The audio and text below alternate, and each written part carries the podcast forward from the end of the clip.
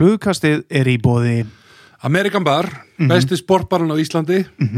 Besti maturinn sem fáið á sportbar á Íslandi. Já, allur boltinn, handboltinn, fótboltinn ameríski boltinn, fucking cricket. Já, nefni flugukastið á barnum fáið 8 vangi og bjór á 1500 kall það er bara grín sko. Það er tjók Það er djók svo er það góða fólki í Erberg. Oh, þeir eru mættir aftur í flugkasteimið og hérna hafsteinn steinur, það eru það eru nuttækin, það eru túfti undirföttin Mjúk. Og nuttbissurnar og, og bara allt sem þú vissir ekki að það vantaði sko. Já, það er þar, er það ekki? Já, ef þú ert svo veðisjúkur að þú, getur ekki farið upp út til að míga Mm þvægleikur, Hann er það hann. Erberg.is Já. Svo er það alltaf hérna okkar bestu. Að Það eru einir að styrtar aðalar þáttarins. Mm það er veiðifélagið. Nótum 17 17 og hérna nú er sá tími veðbúðum að Dóti fer svona trikla inn og Það er að koma nýja vörur. Það nýja fullt af spennandi frá Sierra og Patagonia Kortland og fleiri merkjum og Mhm. hérna og það verða alls konar nýjongar á flugubarnum í vor og endilega standuði baki á flugukastinu og, og vesluði þessi góðu fyrirtæki. Já, og við hérna við ætlum að hanga í loftinu fram á vor mm. -hmm. stöksið þeim Þökk sér þeim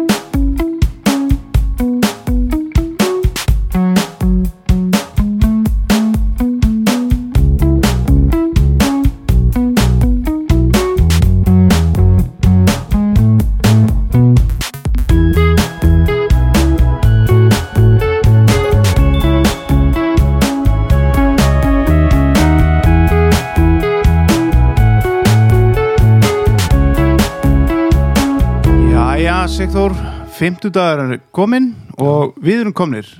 Já, við erum, á, við erum komnir á Akureyri. Heldur betur og við erum mættir í sko eh, ekki, ekki hljóðver en eh, við erum komnir bara í heimastofu. Já, við erum hérna heimilislegir og heldur hérna búin að setja okkur vel upp. Kaffi og, kaffi og svona og það er nú kannski áður en höldum lengra að þetta nefna það að hérna það er afis bílalega á veðutorg.is sem að hérna aðstofa okkur sérstaklega í því að láta þetta gerast Já, að við færum að hérna norður og við koma erum bara mjög þakkláttir. Heldur betur fyrir allan peningin Já, en það er hérna góðu maður sestu með okkur. Já, hann er, hann er í góðum ból Já, þú hefur orðið, já, hann er hann er í tjeból en ég er sjálfur í blóðmör aftur. Já, ég er núna með það. Já, takk, takk, takk, Hérna, Íslenskt, já takk og allt það. En hver er þetta, Sigþór, sem, er, sem að við erum komin heim til? Já, við erum konur hérna heim til inn í stofu hjá Erlendi Steinar Já. eða Ella Steinar, betur þetta Já, sjáortursfræðingur og öðlindafræðingur og, og bleikjáhámaður uh, Takk fyrir að gefa það tímæli. Takk bara, takk fyrir að koma og gaman að hitta ykkur og, já, og takk fyrir þáttin og allt þetta sko. Ok, takk, hérna, En þóður ekki bólinn síðan og síðasta þetta Jú, jú, Já, jú. ok, hann, er, hann er nýþvegin, Já, sko. Þetta er orðin eitthvað svona uppáhaldsbólur það er núna sem að er Herru, þetta er í annað skiptið sem að þess er að koma með stuttum villibili, stuttum villibili það er bara frábært. En góðu bólur, hann- þetta er að verða einn uppáhalds. Já. Heyrðu, Eli, við dempum okkur bara í þetta. Það er langur listi sem við erum að fara yfir. Já, Hérna, þú ert vesturbæðingur já, fættur upp alveg í Vesturbænum og hérna, og þar var, þar var ég aldrei í veiði. Nei, Nei, Ég var aldrei sveit á sumurinn á Vastlesuströnd og Þar er engin veiði. það er, það er bara ekkert ferskvat sko. Það er bara bara sjór. Já, bara, þú veist, ég meina þetta prófum að stundum að kasta í fjörunni til þosk og svo leið sko aha. en ég byrjaði ekki að veiða fyrir en sko bara ég er á gamals aldri fyrir en ég var svona 25 Já, Ok. það upp úr eh, svona kringu 90 sko. Þá er ég að vinna í Sundahöfn verkakall á Eyrinni. Þar voru nokkur svona veiði sjúklingar meðal hans félagi minn Björn Smári sem átti smá landaustur í Brúará Já, og ég fór svona að kíkja með honum þangað. Og, og hérna maðkurinn bara eða? Já, fyrst maðkurinn og svo bara fljótlega flugan og, og þar var svo heillanda þar gæti maður séð sko bleikjuna bara Já. nærri bakkanum og, og þar voru við að glíma við þetta strax sko að reyna að hérna sko einhvern veginn koma agninu niður til hennar og á hana. Þetta er djúft og kalt vatn Já, og hún er já. ekki að fara að synda gott til að sækja hana. Og þar voru við sko bara fljótlega bara vatt þetta upp á sig og við fannir að nýta flugur og púpur og setja högl á taumin og, og fannir að sko uppstríma án þess að sko þú veist, Vita eitthvað hvað það er. já, það er- það er bara þekkt fyrirbæri eða við vissum almennilega hvað það var sko. Já, og hérna og svona, jú, náðum einhverjum árangri og, og þarna eiginlega bara heillaðist ég bara ég bara bara veiði fíknin tók allt yfir það gerðist eitthvað, það þarna bara, bara- bara, tekað inn strax sko, og ég heillaðist af bleikinu og síðan hef ég bara verið svona einhvern veginn ástfangin af henni Hvað, á, hvað ár er þetta? Þetta er svona cirka 90 ég er, al- ég er svo vondur í ártölum sko. en það, þannig er þetta svona að byrja Já, í brúaráni og svo hérna fyrir norðan líka en Já, það, ég, ég býð þarna í Reykjavík og, og hérna keflingingar mikið sem að koma í startinu hérna, þessi búbuveið í brúará og svona? Já, já, einmitt, já, já.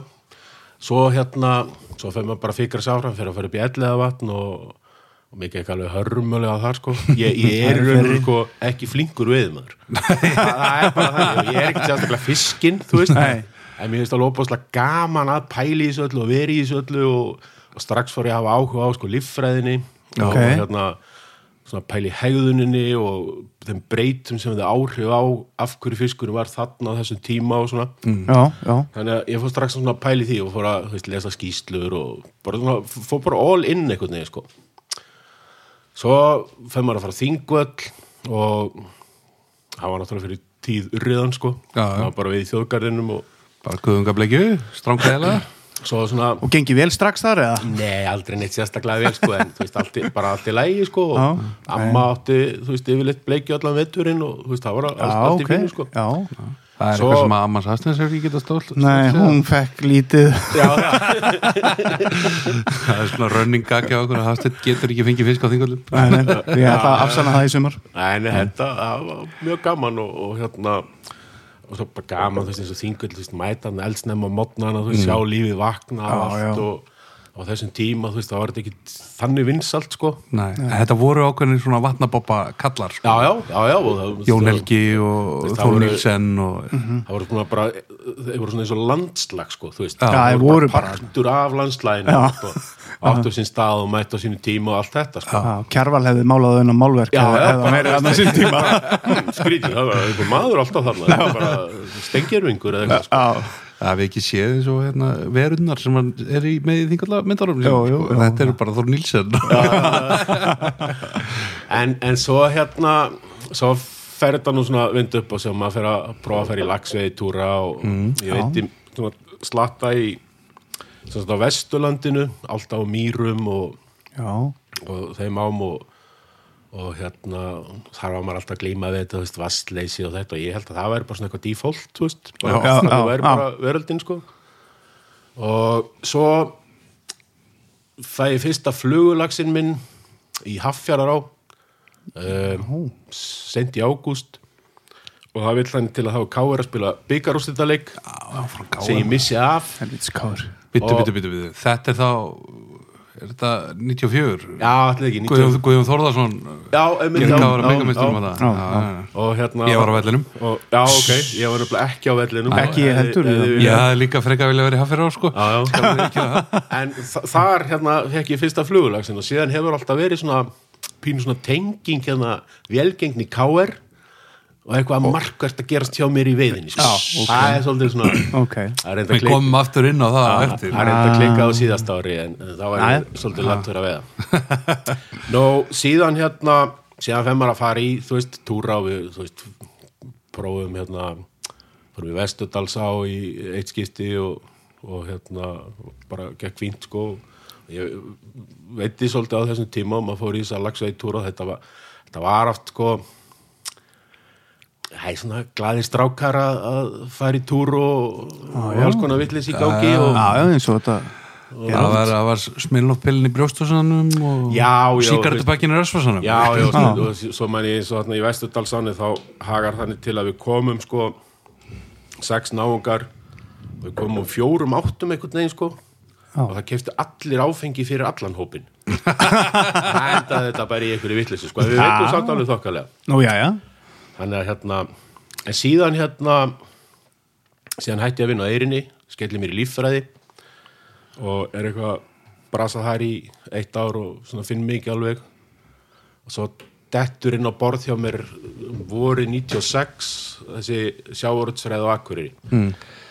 og ég ákvað að skella mér þá. Og við bara flyttum þetta norður og, og, og bara aðeinslegt sko. Og þá kynnist ég ám það sem er alltaf nóg af vatni. Já, þetta ekki á áhugjur að rigningu eða sól það er nóg að hafa áhyggjur af því þú veist, hvort það sé fiskur hvort það sé fiskur hvort maður ná honum alltaf, þó maður sé ekki líka af áhyggjur af því þetta er vatn eða, þú veist ekki. Já, En það hefur nú alveg hérna, svona, eins og til dæmis með fnjóska maður er nú oft kert hérna yfir í júli og það er ennþá bara öskarandi snjóbráð og fiskurinn kemst ekki upp stigan og vesen sko. já, já, hún er ísköld og erfið og, en þú veist, það endar samt alltaf þannig að þetta verður hérna vel veðanlegt og skemmtilegt og það koma Já. f- frábær moment en, þetta er auðvitað allt svolítið svona síðsumar sérna. Já. þannig að maður vil vera sko veiða svona snemma þú veist, þá maður kannski að fara í, í lagsána þú veist, og Já. eitthvað svoleið sko. Litlar hann alltaf hitti og... já, litla er alltaf heitt. bara paradís út af fyrir sig sko. En hérna, þú ert komin í sjáuröldesfræðina já, ég, og ég flytti norður fyrir sjárutsfræðina og, og fer að veiði þessum ám hérna og fæ alveg griðalan áhuga á þeim. Það er kannski áður en það gerist þá er ég búin að vera að veiða í nokkur ár alltaf í Víðdalsá og Silungasvæðinu. -hmm. þar sem að, maður er í sko óhemju bleikjuveiði Já, það var, var fáránlegt stundum. Og ég man eftir einu skipti þá tjölduðum við vögnum um morgunin bara inn í skónum, förum á köstum og við fáum, við löndum 87 bleikjum sko bara, þú veist, standandi svona hlið við hlið og svo bara komin hrúa þú veist, að fiski. Kös bara. Já, bara, bara hrikalegt sko, í kör og ísa bara. Bara endurlist að fiski þú veist, þetta, var, þetta var ótrúlegt og mjög skemmtilegt og þá draf maður allt Já, já, Já, og það endaði allt í póka í fristinum og svo voruð eftir þá að maður að henda, henda, sko. bókunum og þ- einhvern tíman á þessu tímabili þá tekið það ákvörðun ok, hér eftir er ég hættur að veiði fristin mm -hmm. og fer ég bara að veiði þar sem ég ætla að borða Um kvöldið þú veist, bara, kvöld, daginn eða, eftir. eftir svona, eitthvað. sko, og, og svona, það fyrir svona að vakna áhugum minn á, á því að sko stundi þetta öðruvísi heldur en að hérna, við alltaf koma heim með fullt af fiski sko. Já, En þarna náttúrulega bara svona late 90s og fram yfir aldamót, uh, já alveg nokkur ár, þá er náttúrulega bara alveg blúsandi gangur í bleikjaveginu og bara það, það er bara bleikja í dölunum og bleikja í vestulati og bara hérna og þú veist þessar já, já, já, og náttúrulega eiga fyrir á bara í einhverjum fjögur þúsund bleikjum og Já, já. eitthvað svona já, já. Já, já, þetta te tengist allt viðfærinu og, og hérna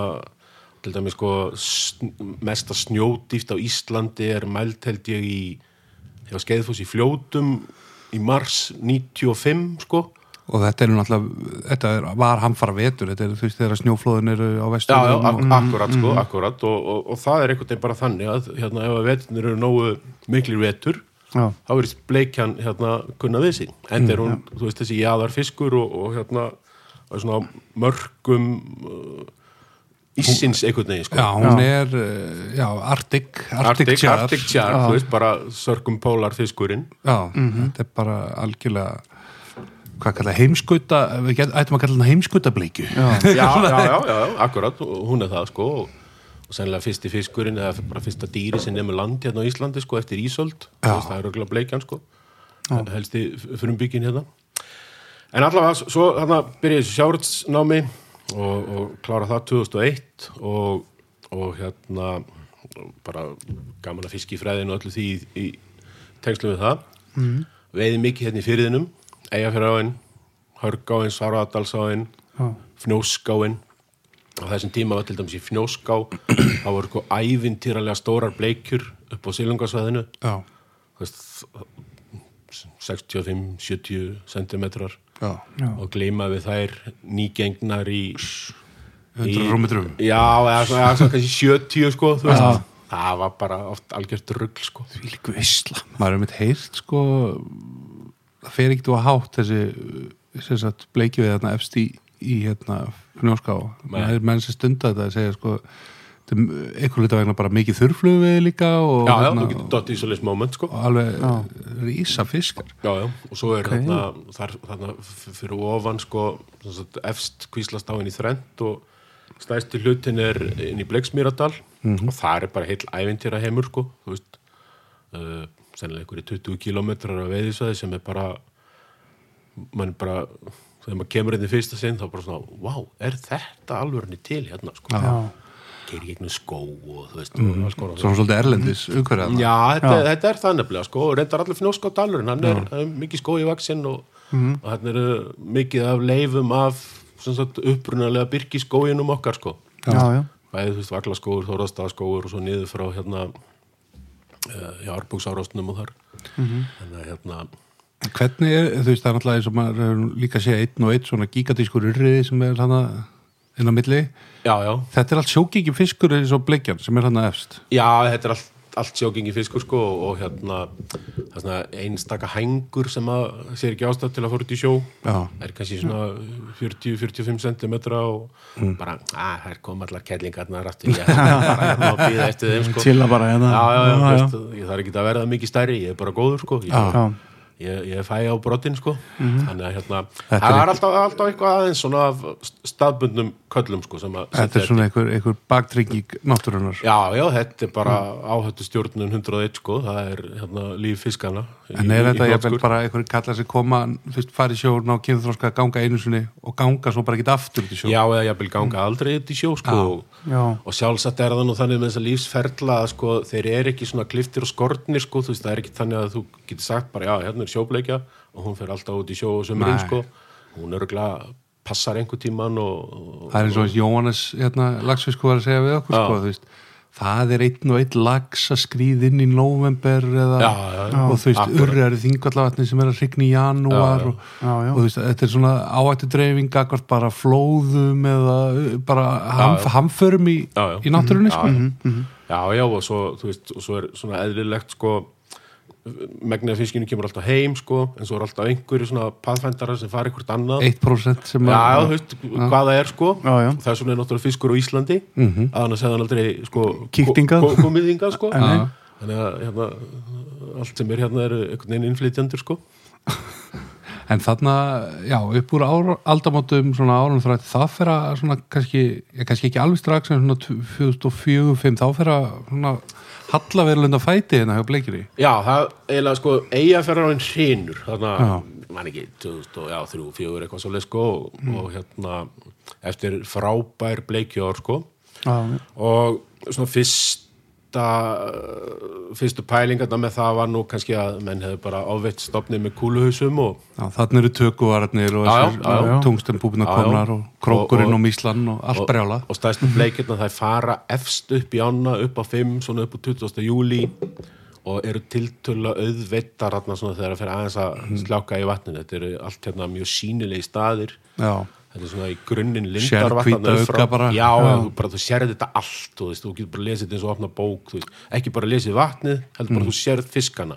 eins og hann sagði mig frá því að hérna, Kristján Gilvarsson, félagi minn, að hérna, sem að veit mikið þarna, hann sagði, þú veist, þegar púpan þetta kemur reyndar, þá, þú veist, við vorum alltaf að sjá þessa fiska þegar við vorum að svinga, sko, en þú veist, við veitum þá ákala sjaldan. já, já. já, En svo þegar púpa kom, þá gætu allt í hennu fara að veiða þá alltaf. Já, já. þá var bara, þú veist ekki, akkur er einhver sem átti flugstögn og var búin að fá típund að bleikju yfir. Sko. akkurat, sko, akkurat og, og, og, og þegar maður pælir í þessar aðferð sko, þetta er náttúrulega þú, veist, þú gefur fiskinum eiginlega ekkit val sko, þú veist, það gefur bara púpa á þig og það er bara tveiri möguleikar, á ég að víkja eða á ég að taka þetta helvíti Og neyðir hann til að gera Já, eitthvað. þetta Já, já. er mjög þvinguð sko, aðferð í, í, í sjálfu sér sko. En samt ógeðslega skemmtilega sko. Já. e, að því að þú veist, þú, þú veist stoltið að sko, sjónveð þetta er Já, svona já. svo gamla maðkareinslið Já. þú veist, pínlítið sko En það sem að menn alltaf læra svo senna er að, sko, ég man ekki alveg hver, hver á hana gót, hérna, en with great power comes great responsibility. já, sko. já, já, já, það er þannig sko en eh, allavega sem sagt, í framhaldinu á þessu hruni þá er ykkur fundur hérna á Bjarni Jóns fiskifræðingur á Hólum kemur hérna á, á ráleikum mönnum bara að, þú veist, minka sóknina því að hérna af hvers völdum sem hrunið er þá er allavega ágætt að hætta að drepa þá fáum fiska sem að eftir, eftir eru sko. já. þannig að það er hérna mér minnir að sé bara algjört veiðibann í eitt ár og, og svo er bara tekið upp þetta veið og sleppa og, og ég er svona alltaf aukst þar í kringum þetta og spá í þetta og velta þessu fyrir mér og, og endingu þá svona á einhverjum tífambundi þá ekki bara skella mér í meistaranám upp í háskóla og rannsaka veið og sleppa á bleiku að því ég, þú veist, ég fann engin gögnum þetta neinstar og vissi ekkit sko maður gæti ekki sagt með fullir vissu þetta mun virka, þú veist. Nei. Nei, fyrst nei. alveg sko aðferðin sem slík að sleppa bleikunni uh, hvað áhrif hefur það á hana munum lifið þetta af, munum þetta breyta atverðlun hennar og allt þetta sko. Þannig að við ráðast inn í umfangsmikla merkingar. Já, og hérna þetta að koma frábælega skemmtilega niðurstöður út úr því.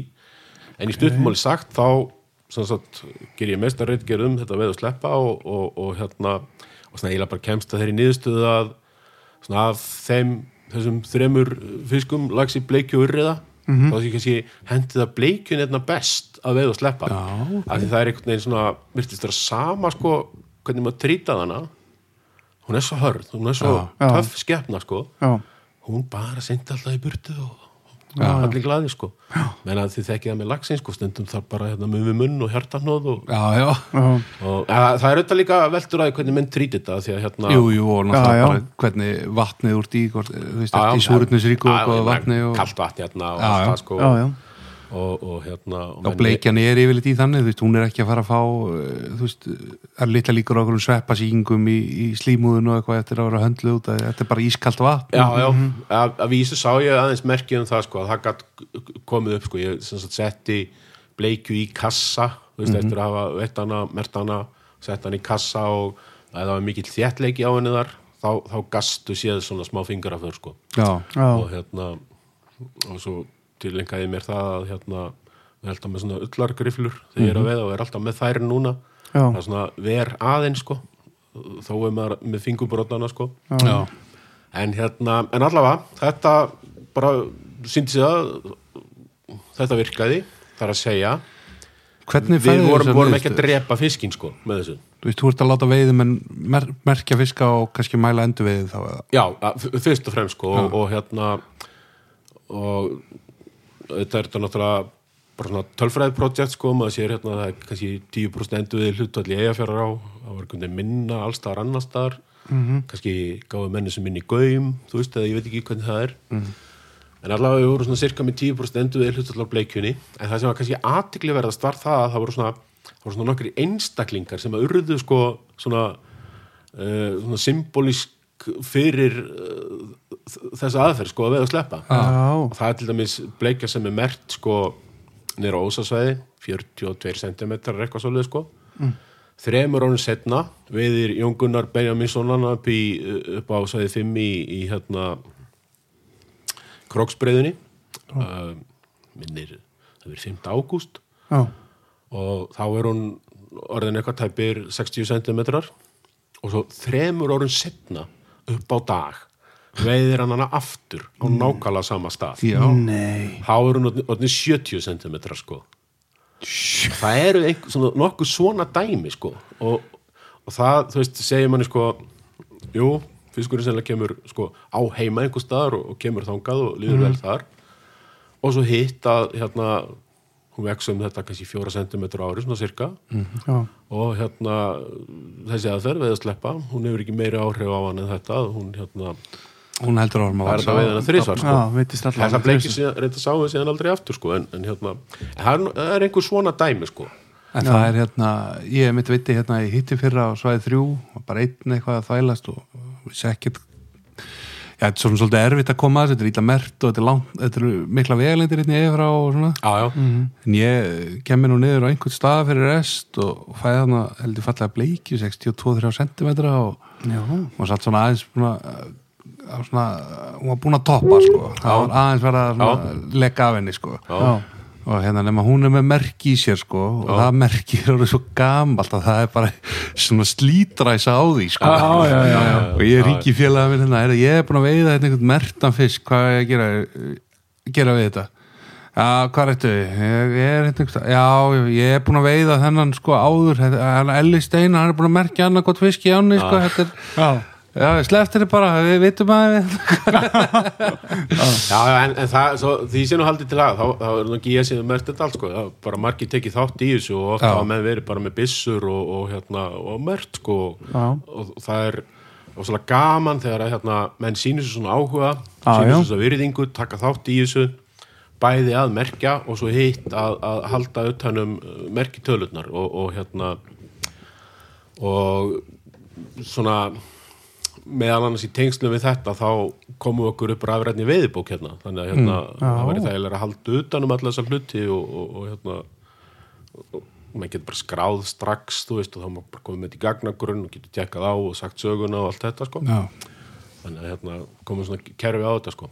En við mertum hérna ég að fara á á ymsan hátt, prófum ymsar aðferði við, við vorum að fara á vorin nýra á leirutnar sko. Það veitist nú frekar lítið þar sko reyndar svo verðum við að merkja oft á haustin, bara reyna að ná í geldfiskin sko. Já, svo mann ég eftir eitt haustið uh, hvort það er 2011 aftur ég er svo vandur í ártölum þá ákveði ég að gera svolítið vígalegan skurk í þessu og við hérna fæða hérna í nótastöð til að búa til alvöru nót fyrir mig. Já, og við förum hérna einhverjir 5-6 kallar á breyðuna sem kölluður sem er nú svona, svona ef ég á að nefna eitt stað þar sem að ég er til að eyða ævinni sko, ef ég má aldrei, aldrei veiða aftur neins staðar sko, þá myndi ég velja þann stað því það eru eiginlega bara 20 staðir sko inn í einum stað. Já, en allavega og, og á þessu mómenti samfærið í stíðum að þetta væri staðinu sko. við semst förum hana, prófum að kasta verðum ekkert værir, tökum síðan hérna, drosuna og draugum fyrir og áinn kvíslast neðst á svona broti og það er eiga mm. Þar vorum við búin að setja kör og þú veist alla græður draugum þess að trossatna niðrittir herpum þar fyrir og mókum fiskin upp í fyrstu sköfu tökum við 70 fiska merkjum þá alla, sleppuð þeim og veistu, þetta voru bleikir á öllum stærðum já. og urriðar og, og bjartir og- byrtingar Já, og við bara svona, vá, þetta var geggjað. Hérna prófum aðra, tökum aðra skoðu aftur 70 fiskar, enginn aðeins mertur nei. Við bara svona, hei, þetta er bara þetta, er eitthvað, þetta gengur ekki, þetta, er bara, þetta getur ekki verið. Já. við erum búin að prófa við hérna stöng og það er engin fiskur hérna. En við tökum þriðju skoðuna og þá fáum við eitthvað 65 eitthvað svo og hvort það voru þrýr mertir jésús Þannig að það að var þá- eitthvað að Þá, fiskja Já, þá, þá bara- getur þú farið að reikna út sko, hvað er að Já, fiski. Já, og þú, það já er- eiginlega ekki sko af því að Nei. þetta er eiginlega bara endalist af fiski sko, Já. með þetta sko. Ég hef bara ekki séð botnin bara fyrir fiskunum. Nei, samt svo skríti sko þetta er náttúrulega stór og mikill djúpu staður og svona Já. svolítið flókin sko. Og maður er einhvern veginn svona sér ekkit fisk þarna sko, þetta er Já, ég meiri sem ekki kafara til að fara þarna með mér og, og hann hefur svona bara ekkit séð mikið af fiski sko. Nei. Maður er samt lent í óhemmi veið þannig að vassmælin á haustin af, bleikju já, sko. það er einhver svona maður eh, fyrst þegar ég viti þarna haustið til þá var maður að leita sjóbyrting sko. Það var alveg einn og eitt sjóbyrtingur svona ofar sko. Þá eh, og náttúrulega sko það vart hvað maður segja, bekkjar megin, austan megin. Já, þá var svona fínt þarna í lænunni þarna, við landið sko það Já, já. nær, svo fór maður yfir og var hann og bakkaði með vassmælunum og þegar maður kom svona niður á vassmælunum þá var að byrja bara að vera á í hverju einasta kasti. bleikja svona 1-3 pund. Það er þarna ég veit ekki, tíu fermetrar eitthvað svolítið sem að Já. stundum er bara pakkaði sko. Mm. og, og óbóðslega skemmtileg moment sem maður hefur átt þarna sko. En því miður þá er hérna einhvern veginn svo miklu miklu minna af eða hefur verið miklu miklu minna af haustbleikjunum á síðustu árin sko. Já hérna en þetta er það, sko ég manna, ég veiti hvað, bara svæðið 5 fyrir 3-4 mánu síðan. Já, þá varstu með teljara þarna. Já, já, akkurat. Og við vorum með mann með okkur hérna, Kristján Gilva að segja okkur sko dýrðarsöðunar hérna þegar þetta var svona og svona og við fórum hann um allt svæði og náttúrulega geggja svæði og já, já, fengum ykkur að fiska og allt svona alvöru fiska sko. Já, já, akkurat. En hérna sáum samt sko þegar maður var að kíkja í hillina eins og segir þetta er allt tært og maður sér þetta og kannski algjörlega gorgeous hillir og það voru 2-3 stykki í honum Já, sko. já. svo voru að kíkja hún tellan, það voru 167 stykki kominu fyrir teljara já, já, á öllu þessu svæði sko.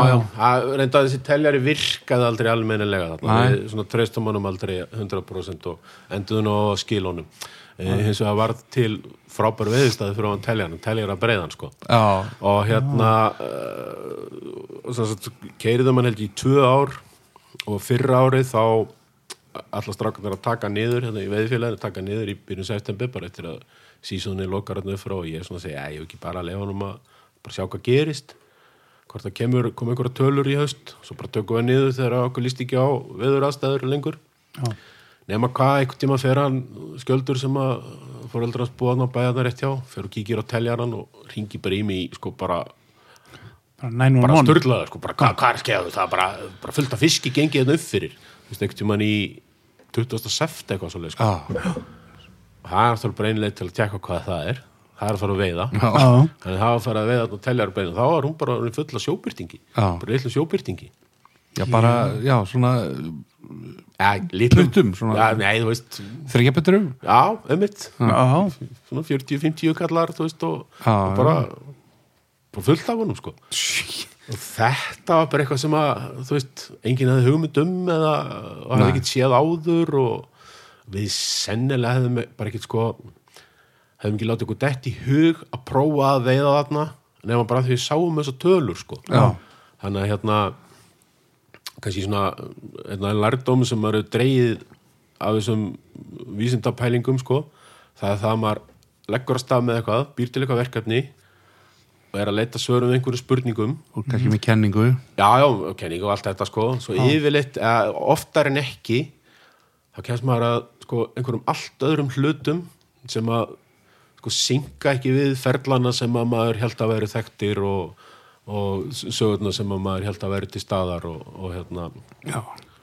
En eins og horfum á það sem maður reykuði út í þetta þetta hrun á búin að koma inn á þú veist, eh, hérna, í 90s þá voru 90s voru helviti mikli vetur og, og kalt og kjöra aðstæður við erum búin að koma inn á púpu veðina þú veist, og, og það er náttúrulega eins og segir, það er kannski ekki alveg komin einhver kristaltær uh, niðurstæði en það er náttúrulega fleiri hlutir sem spila þetta inn í malartekja, landenda það er það er eitthvað skriða sem fellur þarna um þetta leiti, stór skriða sem fellur í ána. Já, já, það er eitthvað verið að þvæla með eitthvað virkjunarplöna og ofalega, þú veist, það er svona alls konar já, náttúrulega bara í, í grunninn er það þannig að sko, það er bara sótt að náttúrun úr öllum áttum. Já, þetta er samverkandi þetta Það er bara þannig og, og sko, þessar ár uh, eins og hérna ég er fyrir þinnum sko, það þrengir alltaf stöðut meir og meir að þeim og þessar ár þær hafa gegnum tíðina sko, þær hafa haft kannski ég veit ekki, skilur hálfan kilómetr,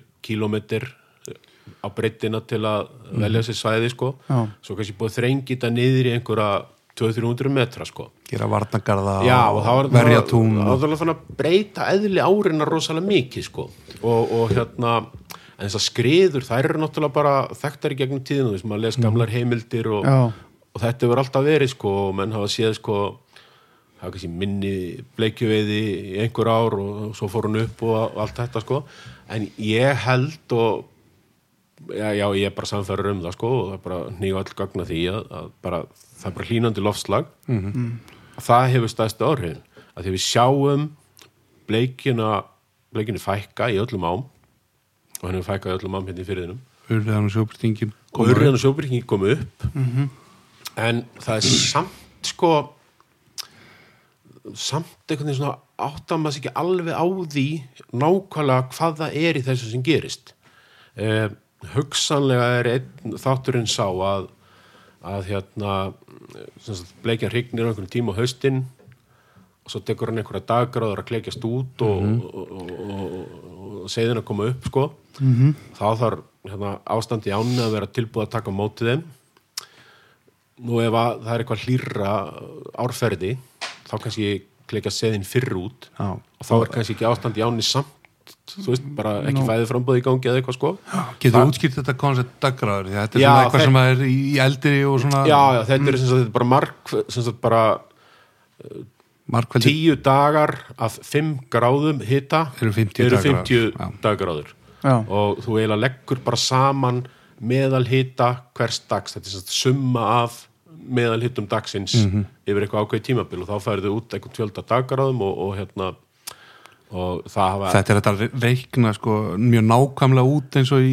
í klaki og hrognum og Já, alveg ég sko. meina, þú veist, eldiskallarnir eru náttúrulega búin að besta þetta allt í drasl og finna alveg nákvæmlega út hvernig er best að gera þetta og, Mhm. og búin að finna út líka sko að, að hérna, þú veist, þú flýtir ferlinum og ef það er hlýra þegar hringingin á sér stað færðu þessi vannsköpur Já, þú veist, þá fer að koma alls konar piklis í dæmi, sko menn geta séð þetta oft þeirra veiði eins og hafbetrannu lagsin Já. uh, takki eftir bara hérna platan yfir, yfir tálknin Mhm. Já. að vantar, hún næri ekki alveg að kofvera sko, Já. alveg öll sko. ef það sést smá þá hefur kannski verið of marga dags uh, gerst of hratt sko. Já, já, ég meina, þetta er bara svona bara svona einhver flýtivöxtur, sko ég meina, það, það er bara hraða öllu kerfinu og, og, og fiskurinn er náttúrulega búin að besta sig miðað við einhverjar aðstæður upp á lifun og allt þetta sko Mhm. og, og, og, og svo rugglar þetta kerfinu en hins vegar að því ég er búin að vera að rafveða hérna seiði í mörg ár í EFRA og reyndar viðar þá er einhvern veginn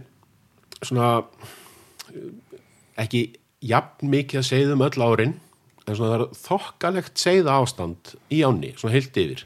Já, öll þessi ár sem ég verið þarna og á bleikjuseiðum hins vegar sé ég alveg gríðarlega sveiflur í sko urriðaseiðum og, mm. og hotsílum og svoleiðis. Og það rýmar alveg flott við bara sko, þú veist, það er kalt sumar þá er bara kannski ekkert urriðaseiðum þá er áin bara ekki að framlega öryða nei, nei, þá, þá bara, þú veist klekst hann út og svo bara dröst hann eða klekst ekki út eða eitthvað sko ég, veist, og ég er nú svona kannski ekki náða að tengja það síðan beint við sko veiðitölur síðar af því að svo eru náttúrulega buffer í lífsferðir sveiflur. fiska langir sko.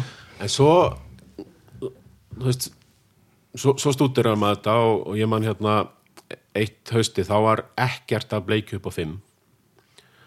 Og hérna og ég fer, yfirleitt og svona sent í september eða í byrjun oktober bara svona byrjaði þannig og síðan er bara haldið því. Þá fæði maður alltaf að kíkir aðeins eftir bleikju í leiðinni svona. Og, og hérna og það bara passaði að þetta veist var ekkert að bleikju þarna. Og ég hugsaði mér tíu, það, það verður ekkert af nullurum á næsta ári. Nullarar eru sem sagt seiðin úr, úr, úr, úr, úr hrygningu fyrra ár sko. Já, ekki orðin eins og Já, ekki á neðast, búin að vera eitt sumar klækin út. Og haustu eftir fer ég og veið þarna. Það er bara alltaf aðeins í nullrum já, þá bara við, ok ég veit ekki neitt.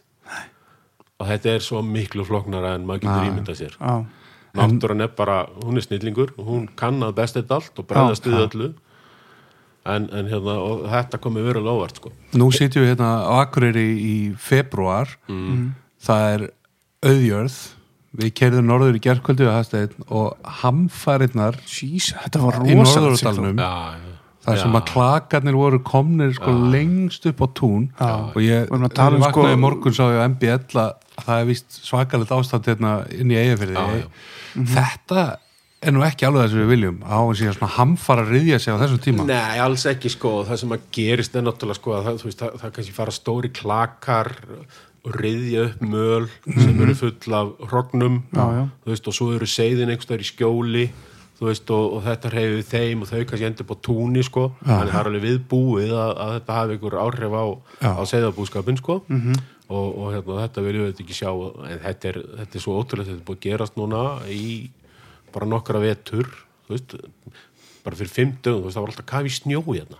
Já, já. það er bara búið að vera Svo- frost frá jólum svo, svo Já, líka bara fyrir sunnan.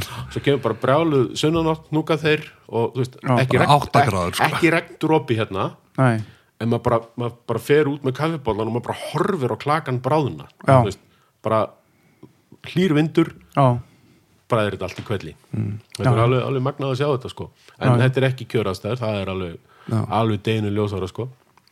Hins vegar þá er þetta oft skemmtilegar aðstæður upp á það að gera að hérna, ég til dæmis skotist í Littló í februar í svona tíð já. að merkja fisk og lendi í sko bara Ævintýralegri við, við, við veislu æfi minna sko. Já, og, og hérna þannig að það er tækifæri í þessu sko. Já, já Já, já, En já, það er einmitt hérna litla áin, þú nú verið líka að merkja þar og, og eins og ég kom nú inn á hérna, ég man ekki hvort var með Jóhannes eða hvort það komið inn á þetta oftar að þú, þú er þessi frægi maður sem merti þennan fisk sem að veitist svo hérna við eldistöðin í Sandá svo kallari. Já, við sem sagt uh, ég er búin að veiða þarna í nokkur ári litla og hérna, það voru nú vinni minni Pálmi, Gunn og Tóti Ólafs, nei Tóti Blöndal og fleiri tóku ástóstur við þess á á sínum tíma og já, svo fyrir ég nú eitthvað álpast þarna austur og, og bara fell fyrir henni bara allir gera held í sér fara þarna. Ég fór svolítið með útlendingarna veið og var með á sömurinn og, og það var mjög, mjög gaman sko. Og svo náttúrulega hérna vísinda nördin í mér hérna, já, við verðum að skilja þetta eitthvað aðeins betur og já, þannig við förum út í svolítið merkingar þar. Og meðal annars fer hérna í februar ekkert tíman og merki hellingafiski sko, ég man ekki hvað við verðum hundar að eitthvað fiska eitthvað svoleið sko. Mm. Og hérna mjög gaman að veist vera hérna á það sem ármótin eru á, á breyðinni þar og labba úr kvöldi yfir í heitt og, já. og finna veist það er svona fiskur í hittanum og hann er sprækari þú veist og Já, já. svo eru hérna auksinilega hrygningafiskur sem er bara slaka á Þorrán. eftir hrygninguna þú veist í, í kuldanum sko Já, já. en allavega við mertum hellingafiski þarna og ég held að tveir af þeim hafi veðist í, í sandáni eða í brunnáni já, og haustið eftir sem sagt í september þá veiðist einn af þessum fiskum út á sem sagt, út á nesinu í kannski svona 30 km fjarlæð í lóni þar, þetta í Blikalón. Já, og þeim fiski er skilað á Havró eða veðmálastofnun og sem sagt bara speil spjartur fiskur sko. þetta var bara brúnn urriðis sem við mertum í februar já, en sko þarna er sko þú veist þetta er flókið vatnakerfi alls konar hræri grötur þetta er Já, hiti þetta er bara, þetta Já, fullt já. af alls konar og þetta gefur náttúrulega fiskinn tækifæri á að hafa alls konar ferla í gangi mm. og, og hérna og hugsanlega, sko, svo spilar jökuláin inn í, hérna jökulsá á fjöllum. Og svo ertu með þarna sandána, brunnana og svo ertu með öll þessi lón og, og, þessi ísöldu lón þarna nýrt á skaganu sko þannig að hérna er bara ofbóðslega heillandi verkefni í gangi sko sem að væri tilum til að rannsaka fyrir Já. náttúrulega utan sko þessa fáránlegu bleikju sem er þarna upp í Já. sko þessa, þessa risa hlussur sko þarna, þarna er til þess fengið sko stærstu bleikju sem ég veit á æfinni sko, það var eitthvað um 80 cm Veit ekki Gulli Brím einhvern tíðan 90 Jú, jú. cm þarna? akkurat. Yfir 90? já, já. Þetta er bara, þetta er algjört undur sko já. ég með sá mynda þegar ég bleikir 90 cm bleikja það er, það er bara eiginlega fárulegt að sjá þetta sko. Já, er það ekki? Já, mér fannst sko þegar ég held að þessari 80 cm bleikju bara, þú veist Hvað er nú, þetta? nú, bara- nú bara ég sé allt veist, ég bara, bara ég þarf ekki meira sko Nei, það var, það var aðeinslega sko svona, eins og bleikjan getur verið svona, svona, svona stinn og þykk Já. og mikil og, og svona virkilega healthy looking Já. sko sem að þetta er náttúrulega ótrúlega kerfi verður til þarna bara eftir jarðskjálta og Já, já, það Já, er já. náttúrulega bara ótrúlega saga út af fyrir sig sko, sprettu bókstala upp úr jörðinni bara. Já, já. Það vatnið náttúrulega. Já, já, það var náttúrulega sko, það var, það er lítil ás að rennur hann í gegn sko.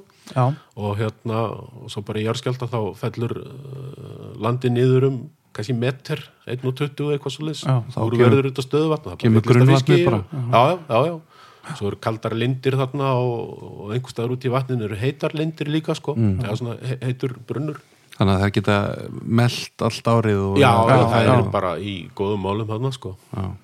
en það alveg yfir stærðafiski þarna og Mhm. ég er svona, ég átta ekki á því sko, hvort þetta er sjóbleikja eða hvað þetta er eða, eða hvort hann er að nota jökulsána til að hérna, ha- hafa einhvers konar vetursetu eins og er upp í skarsáni eða hvernig þetta er sko, þetta er, þetta er hérna grunnar að þetta séu bara alls konar ferðlar í alls gangi sko. konar já. já, þarna bara, því að bleikjan er oft kallið svona tækifæri sinni sko mm. þarna sennilega nýtur hún sín alveg, alveg út í ístu æsa sko já.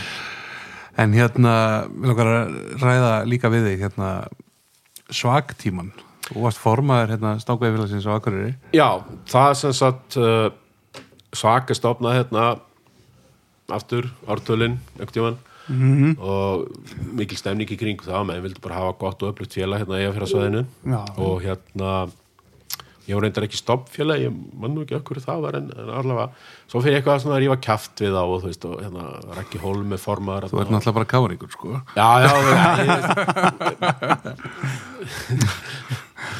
þú ert, kona mín segir þetta um Eli, þú, veist að þú gætir haft rangt fyrir þig sko. Það er smá sens Ég- nei. Allavega, ég fer eitthvað að ríða á kæfti rakka og segja, hérna, Raggi, þú veist, akkur er ekki búin að landa eiga fyrir og akkur er ekki búin að fá einhver svæði? Já. hvað, Eli, verður bara formaður og gerðu þetta bara sjálfur? Ok, ok. þú veist, og, og ég verð formaður og, og næ ekki eiga fyrir á. Það er bara ekki hægt. Það er bara ekki hægt. nei, nei, og allt er góð með það. Það er bara þannig eru 100, ja, 90 landeigundur eða eitthvað og, og svona flókið hver hendin upp á félagsskipulag mótið annari og já, þú veist, já og nei þú veist, bara, þau voru bara sáttir við kerfi sem er í gangi og, og hérna og Og allt, líka- allt, allt í góðu með það sko. líka bara þegar það eru hundra landeigjandur í einhverju veiðifélagi um, um bleikju á eins og veist, það er ekkert miklu peningar að stórir hagsmunur endilega fyrir fólk að- Nei, nei og hugsanlega sko að því að nefndin og malatekjun á sko, þá er hugsanlega sko miklu hagkamara fyrir það að bara þurrka út bleikjuna og vinna möl og ráni sko. Já. Veist, bara ef maður hugsaðar að þannig og, selja bara í slóða og sumabústuður Já, já, maður er bara að sína því skilning að þú veist, það eru bara alls konar hagsmunir í gangi og, og, og fólk náttúrulega svona, eins og flesti gera hugsa bara fyrst um buttuna sína og, og það er bræðilegt sko Já.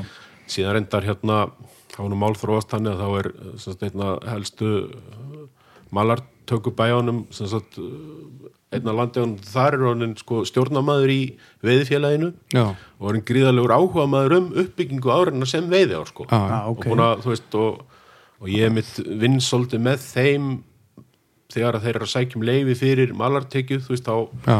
svona bara leiðbeiniðum um hvernig er sagt, best að gera það þannig að þetta skaðis minnst sko, eða jafnvel, já ég veit nú ekki hvað það bætir tjóman ástandi sko.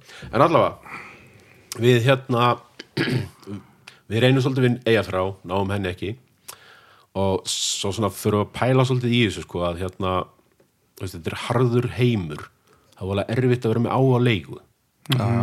Þetta eru Veist, þetta bara... mikið undir og Já, já. Já, og ef vera með á að leigu þá þarf þetta að fara í, þú veist, kannski pínlutin á monkey business sem Stango var í, sko. Að þú þarf að hafa einhverja útlendinga til að taka einhver tíma og, og hérna, og svo getur þú selt einhverja jæðartíma til, til Félagsmanna. til félagsmannana, sko. Og það er svolítið svona kannski, kannski svona hagsmuna árakstar þar í gangi, sko og, og, og svolítið skrítið dæmi, sko. Ekki, ekki ógallað koncept. Nei, nei, Nei, nei, ógallað og, og ég hef enga lausn á því og veit ekki hvernig var þetta að gera þetta öðruvísi eða betur sko, veist, það er Akkurat. það sem ég er að segja sko, ég er ekki að, gaggrina það, það er bara svona við allavega völdum þá leið að, að fara ekki þá leið sko. Og þá er staðan þannig hérna í fyrirðinum að það eru nokkrar bleikjár hérna og það er veiðilegunir alltaf seld bara út á bensó, þú veist, og Já. Og bara eins og ég upplýði þegar ég keminga fyrst sko, þá hérna þú veist, maður langar að fara að veiða. Maður er ekki með á hreinu hvað maður fær veiðileiði sko, og Nei. þú veist, og svo er kannski svona pínu klíka ekki kringum það, þú veist, og það- einhvern veginn svona, þetta er ekki allt upp á borðinu og ekki fyrir allar augum, einhvern veginn. Eh, ekki það ég sé að segja að menn hafa verið að gera eitthvað misjánt sko, en, en svona en allavega, við svona fljótlega bara hugsaum okkur, já, heyrðu, við bara gerum bara svona umbóðsölu samninga við hérna átnar í fyrirðinum stopnum uh, uh, rafræna veiði í leifasölu og bara græjum þetta þar Mhm. svo er ég náttúrulega líka mjög latur þannig að þú veist, ég hafi þetta hafi þetta einhvern veginn bara þetta sjálfvirt og En- ennþá þægilegra. Ja, þú veist, Já, þú vilt ekki þurfa að taka símtöl, nokkur símtöl út af einhverjum hálfum degi í hörga Nei, já, við skulum kannski orða þetta þannig að sko letin er oft móðir góður auðfinninga það, Já, er- það vissulega. er þannig sko og, og hérna og ég fæ hann, hérna, Ingvar Karl sem er viðskiptafélagi minn í dag og vinnur hann talu fræðingur og hann býr bara til vefsölukerfi. -hmm. og við gerum samning við Hörgá og og hérna Sáradalsá um svona umbúðsölu samning og bara gengur fínt sko. Og og svona uppgangur í félaginu, rífum félagsstarfið og erum með alls konar svona vetrastarfi í gangi og bara skemmtilegi tímar. Og svo kemur hérna á þessum tíma þá veið ég svolítið í lags á í Mývasett fyrir alltaf einhver eitt, tvö hólf þar á ári og, og það er þetta náttúrulega bara sent, selt hjá Hófi og uh, hóttu og, og, og hérna. En náttúrulega mikið af akkurreyningum þar. Já, já, einmitt. En þar ákveða menn að í eitthvað útbóð og, og frækt útbóð Já, frækt útbóð sko, og bara svona strömmkvörf fyrir Seilumsveið og já, já, og, og hérna og eðlilega þá sýnum við þessu áhuga og ég man að Orri heitin Vigfús þar talaði við mig og vildi hafa samstarfi okkur af því að hann var alltaf svona með þetta konsept sko að vinna með heimamönnum og mm -hmm. í því sko kann að hérna kann, kann þann leik ofsalega vel sko eða ekki leik, bara, bara hans hugmyndafræði sko bara átt sig á því að Já, já. vera- vera með samfélagi með þér já, já, og þú veist, og það eru veiðikallarna sem veiða og það er bara fínt að hafa það áfram og Akkurat. og svo tekur bara eitthvað hluta og selur það einhvern veginn öðruvísi og hafa með ákveðnar hugmyndi hvernig hann vildi gera þetta og, og hérna og Pétur Pétursson í Vastalum Mhm. hann hafði líka samband og hafði áhuga á þessu og, og við svona eiginlega svona sammælust um það að hafa svona uh, já, bara svona handabands uh, samkomulag um það að uh, tala hverju við aðra ef að ef að við sendum um tilbúð og náum því nema hvað ég ringi stangó og aðtók hvort að þeir vil ekki vera með eða hvað þeir ætla að gera og þá kemur í ljós að þeir eru bara að fara að senda inn sjálfu tilbúð og, og hérna og vilja ekkert tala við okkur um það sko, bara segja við ætlum að gera þetta sjálfur og með það svona svolítið skrítið eða svona fauk í mig og okkur hérna í stjórninni. Þannig við, við ákveðum bara sko þetta er þegar bankarnir eru þegar allt blómstrar. Allir tilbúinir að lána. Þetta er satt alveg sko, sko þrjár mínútur. Já, ég veit það Þetta er sumarið 2008 Já, já, já, já. Já, já. En, en þú veist, það er, er hérna það er einhvern veginn Það er stemming. bara peningavaks á trjánum og, Kassi Nó, nót. nó að peningum í böngunum Þannig að hérna við í bara eiginlega gegn betri vitund og í, í, Kannski í bara á einhverju ósamra sp- spæti bara. Já, þú veist, bara í, Já. já, þú veist, einmitt, þú veist, bara Tilfinningar ráða. já, bara. bara Fuck you er að vissum hausinn, sko, við skulum bara orða það þannig Já. þó ekki alveg, því að við hérna pælum vel og mikið í þessu tilbúð og við, sem sagt, bara í stundum alveg, þá sendum við inn tilbúð þar sem við leggjum til alls konar breytingar og erum með hæsta tilbúði við viljum lengja veiðtíman og við viljum breyta veiðireglunum þannig að Veið á það sé ekki átjónstangir ekki 14 manni. já, já, og byrja fyrr og alls konar svona sko og, og hérna og að helst, það kannski breytingi var svo að við vildum friða stórfiskinn Já. og leifa þá dráp á smærri fiski sko já, Það hefur alltaf verið þarna reglur að, að, að sérst, þú mátt, það er eitthvað kvoti, hvort sem að, hann var örgulega held ég fjórir hérna, var svo þrýr og tveir og ég held að hann verði einn í sumar, en það þarf að vera fiskur yfir 35 cm. já, já, 35 cm fiskur er 500 gram, sko. þetta, er ítir náttúrulega undir það að stæsti fiskurinn er alltaf tekin. en, en það er sko það er að vísu sko það má kannski segja sem svo að það er það, það er út af fyrir tvenn rök fyrir þessu sko að, að hafa þetta svona og það er þegar þú hugsar út frá sko sem sagt bara svona auðlindastjórnun eða veiðistjórnun þar sem þú ert að ná svona mestu harvesti úr þú veist, þá getur verið gott að gera þetta svona sko. En menn er ekki að ná í sko kíló af flökum þarna. Nei. menn er að hugsa um sko veiði upplifun og, og það er allt annað hlutur. Já. Og ég hef nátt sko hu- hugsað þetta líka þannig að hérna það verður svolítið skrítið ef að hérna, bændurlegðu áherslu á það að drepa alltaf ærnar sínar en láta lömbin lifa sko. Það er svona ma maður þarf að hu- hugsa þetta svona einhvern veginn víðara sko En sko náttúrulega líka bara viðþorf og, og menning, veiðmenning Já, og já, já. breytist bara sko. já, já, já, og það er bara þannig og, og, og hérna, og allt er góð með það En þeir eru búin að senda inn tilbúða en við við tilbóð já. og það verður svona svolítið svona eitthvað lætt út af þessu og, Þetta var risa tilbúð sko. já, já, Þetta, ég, ma- ég ætla nú ekki að fara með eitthvað tölur en þetta var ég maður í sáta því að þið er náttúrulega til dæla nýtt félag ekki búin að vera með þetta leigu þannig að maður veist að það voru ekki neini sjóðir eða eitthvað sko, nei, nei. Það var ekkert að bakveita þannig nei. sé sko. Nema bara kannski gremja og Við vorum bara alveg áhugi. ofbóðslega fegnir þegar að, það talaði engin við okkur. Það er bara, þannig sko. Þú veist og við þú veist bara í alveg við bara, þú veist bara hvað vorum við að gera, þú veist, hvernig ætlum við að tækla þetta sko, en við svo sem við unnum í því og við pældum í því og við töluðum við menn og þú veist Já. og, og svona reyndum að networka eitthvað hvernig við ætlum þá að tækla þetta ef, ef að virði sko og, og hérna. Þetta var náttúrulega næstu í bana bitist já, já, og þú veist og bara við, þetta er bara orðið örglega disaster hjá okkur sko. Já, já. það er bara þannig sko. Það er þannig. Já. uh, það er bara þannig. þannig að hérna ég hef um þetta ekkert stanga og hafa þú veist, Hreft norsið já, setjið uppi með þetta sko, þetta er þetta er, flóki fyrirbæri það, það er flókin hérna, menningin þarna og það er töpuð e- e, fullt af fastakunnum og erfitt, erfitt hérna örgulega svona erfitt veiðifélag að vinna með líka, þú veist, þetta er náttúrulega lagsádalurinn er inn í þessu líka, það er ekki einu svona vegur hann á milli, sko, nei, nei, já, já, já. Og svo eru, eru sama tíma reynu veiðin í lagsádalunum og... með, uh, mikið að stoltu fólki hérna sem að hérna, veit hlutina vel og allt þetta sko þannig að Já, já, sem að hefur gagnast í eins og í baráttinu við landsvirkjörn og hérna, já, já, hérna já, með já, árið já, og eitthvað svona, en já, þú veist, já, getur, já, já.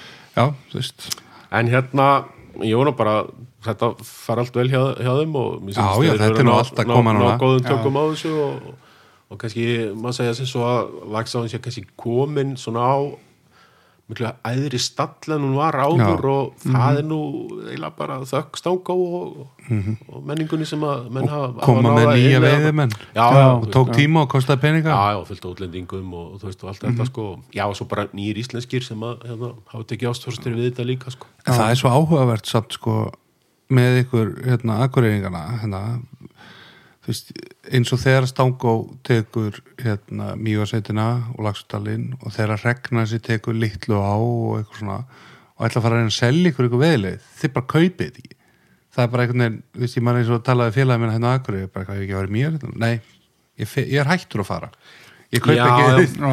Nei, já, já, og, en sko en svo náttúrulega- tók ykkur ár sko Nei, þú voru líka átt að því, það er sko hækka verðið alveg helling. Já, það er líka það. Þú veist, menn eru alltaf vanir að að geta bara Já, hérna og bara og- 2 og 5 í sjoppunni og... Já, Já. og þú veist og, hann, það, það breytist rosalega mikið hlutum og svo er hitt sko að það er kannski ekki mikill skortur á veiði en það fyrir norðan. Nei. þannig að menn geta hort í aðrar áttir Já, í staðin fyrir að borga sko 25 þá er alltaf að borga 30 Já, bara- daginn já. hérna sko. Já, Já. mývarsveitin kostar hann 35 skall Ok, það verður bara svarta í borðal Já, Þa- þá fyrir bara í litlu, litlu Sem er já, það er tíu skall eða eitthvað. sem er bara sko æfintur út af fyrir sig sko. Já. Já. og, en já, já, og það, og það er þannig. Og svo bara fóru menn að veiða bara mikið niður frá sko fyrir lagsatíman og voru yrðið þar og Já, og hérna og bara já, hluti bara breytast og ég, þú veist ég bjó í Reykjavík þegar að það verða breytingar í Viðdalum og Já. hérna, ég man ekki hvort Átni Bald tók hana eða hvernig það var. Jú, jú.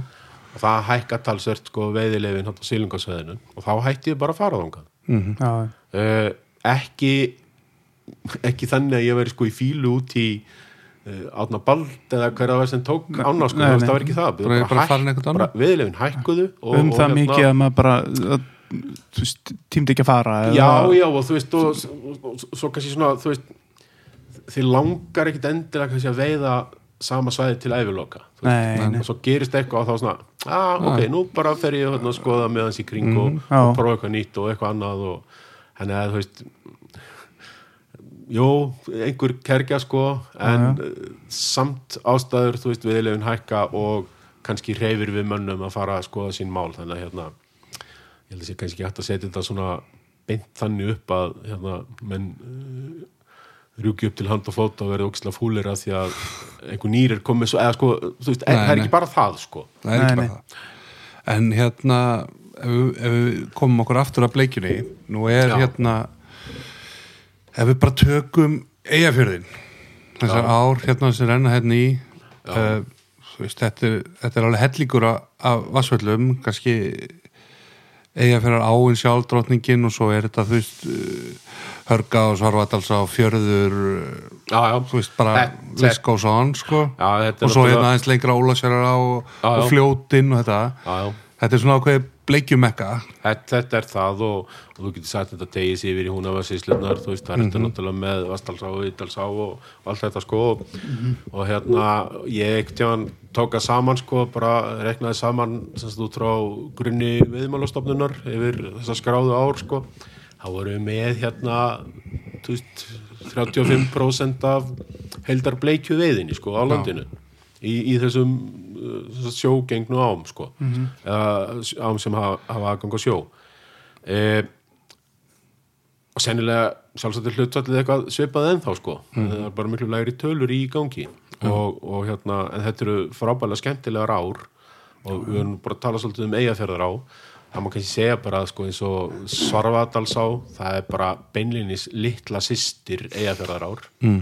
hann er bara svolítið svipuð í karakter bara aðeins minni sko mm. og reyndar aðeins meira svona af jökulvatni eða svona jökulskotin yfir sumari sko. Og svo er hörgáin. Þar er hérna já, hún er í raun og veru sko lengra vatnasvæði af því að hún kvíslast í tvær áratnu frá Öxnadalsána og svo, svo hörgáin í Hörgárdalum mm. en það er bara opbóðslega skemmtileg og, og flott uh, sjóbleikjá eins og þeir eru allar sko og svo ertu með hérna Fnjóskána og tölum aðeins um hann aðan og þar var alveg frábær sko sjóbleikjustofn en hvernig er hann núna? hann er, það, það, það eru bara allir þessi stopnar eru litlir Ekki- núna ekki svipaður eigundur sjón. högg að sækja og og sko, það búið að grípa til ráðstafan í EFRA og við höfum séð það skila þeim árangri að við erum aftur farnir að veiða stórar bleikjur upp á efstasvæðinu Ríkningafisk já, og- já, þessar kusur sem við köllum já, og hrygningafisk sko. Og, og það er náttúrulega þannig að sko ef við segjum að náttúrulega affall séu 50% á milli ára sko að þú bætir ofan á það einhverjum 25% afföllum vegna veiðimanna þá ertu náttúrulega að sko höggva stort já. skarði í, í stofni sko og í talan ekki um ef hann er hún lítill. Já, þá er hann áhrifin hluthalslega sko já meiri. Náttúrulega áföllun er alltaf ennþá sama próstala Já, að já. færri einstaklinga. Já, já, og svo verður veiði álæði meira og já, hvernig já, einstaklinga já, og já, samaskapir og sennilega ekst sko veiðálægi þannig að Já. þú ert kannski farin upp í ég veit ekki, 40, 50% sko þannig að þú ert svona þú komin í þá åtta afstöðu að þú gætir hugsalega bara þurrka út stofnin eða þú vildir sko. Já.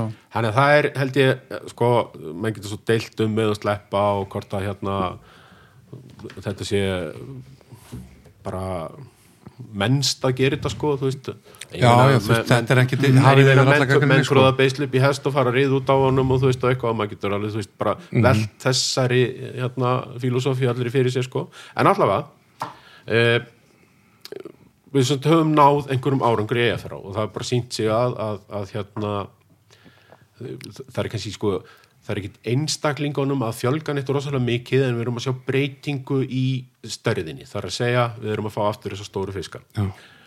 uh, í fnjóská þar hefur bleikjustofni farið hratt niður og ég held jafnvel að það geti verið af því að sem sagt fnjóskáfi nær ákveðinu hámarki í lagsveiði þannig að einhvern tímann í kringum 2010 Já, þá fer hún í ykkur 800 okkar Já, fór, ég- við þúsund sko, Já, já, já. 1040 sko, það var bara það var alveg ruggla að vera þarna sko uh, í september, það var Mhm. svo mikið að fiski þarna ég var einmitt að tjekka á því uh, veiðibókinu minn á netinu á veiðtork að, að þar, þar sko þar átti ég vakt 14. september þess að ég fekk áttalagsa, þú veist, þetta var eitthvað algjör svona steipa sko sem er ekki tölur sem þátt að vera náð upp úr ískaldri fnjóská sko. Nei, nei, þetta var bara einstakt sko dæmi sko, það fór saman þú veist, bara góð segði, sleppikinn og já, já, og það náttúrulegar verið hlýri og- ára undan Þetta var og- náttúrulega algjör bombulags við ár allstar 2010 já, já, fljótáin þú veist, Já. hún hefur vilt svona helmingurinn af, af fnjóská og það, hún var einhverjum en hún var reyndar árið sinna sko með topp. En allavega sóknin eikst menn er alltaf að veiða fiskin sem að veitist í fyrra sko. Jú, jú, veiðilega salar tengja já, þetta. Já, já, og bara við veiðimenn við bara, já, frábært þarna, ég ætla að fara þarna næst. Já.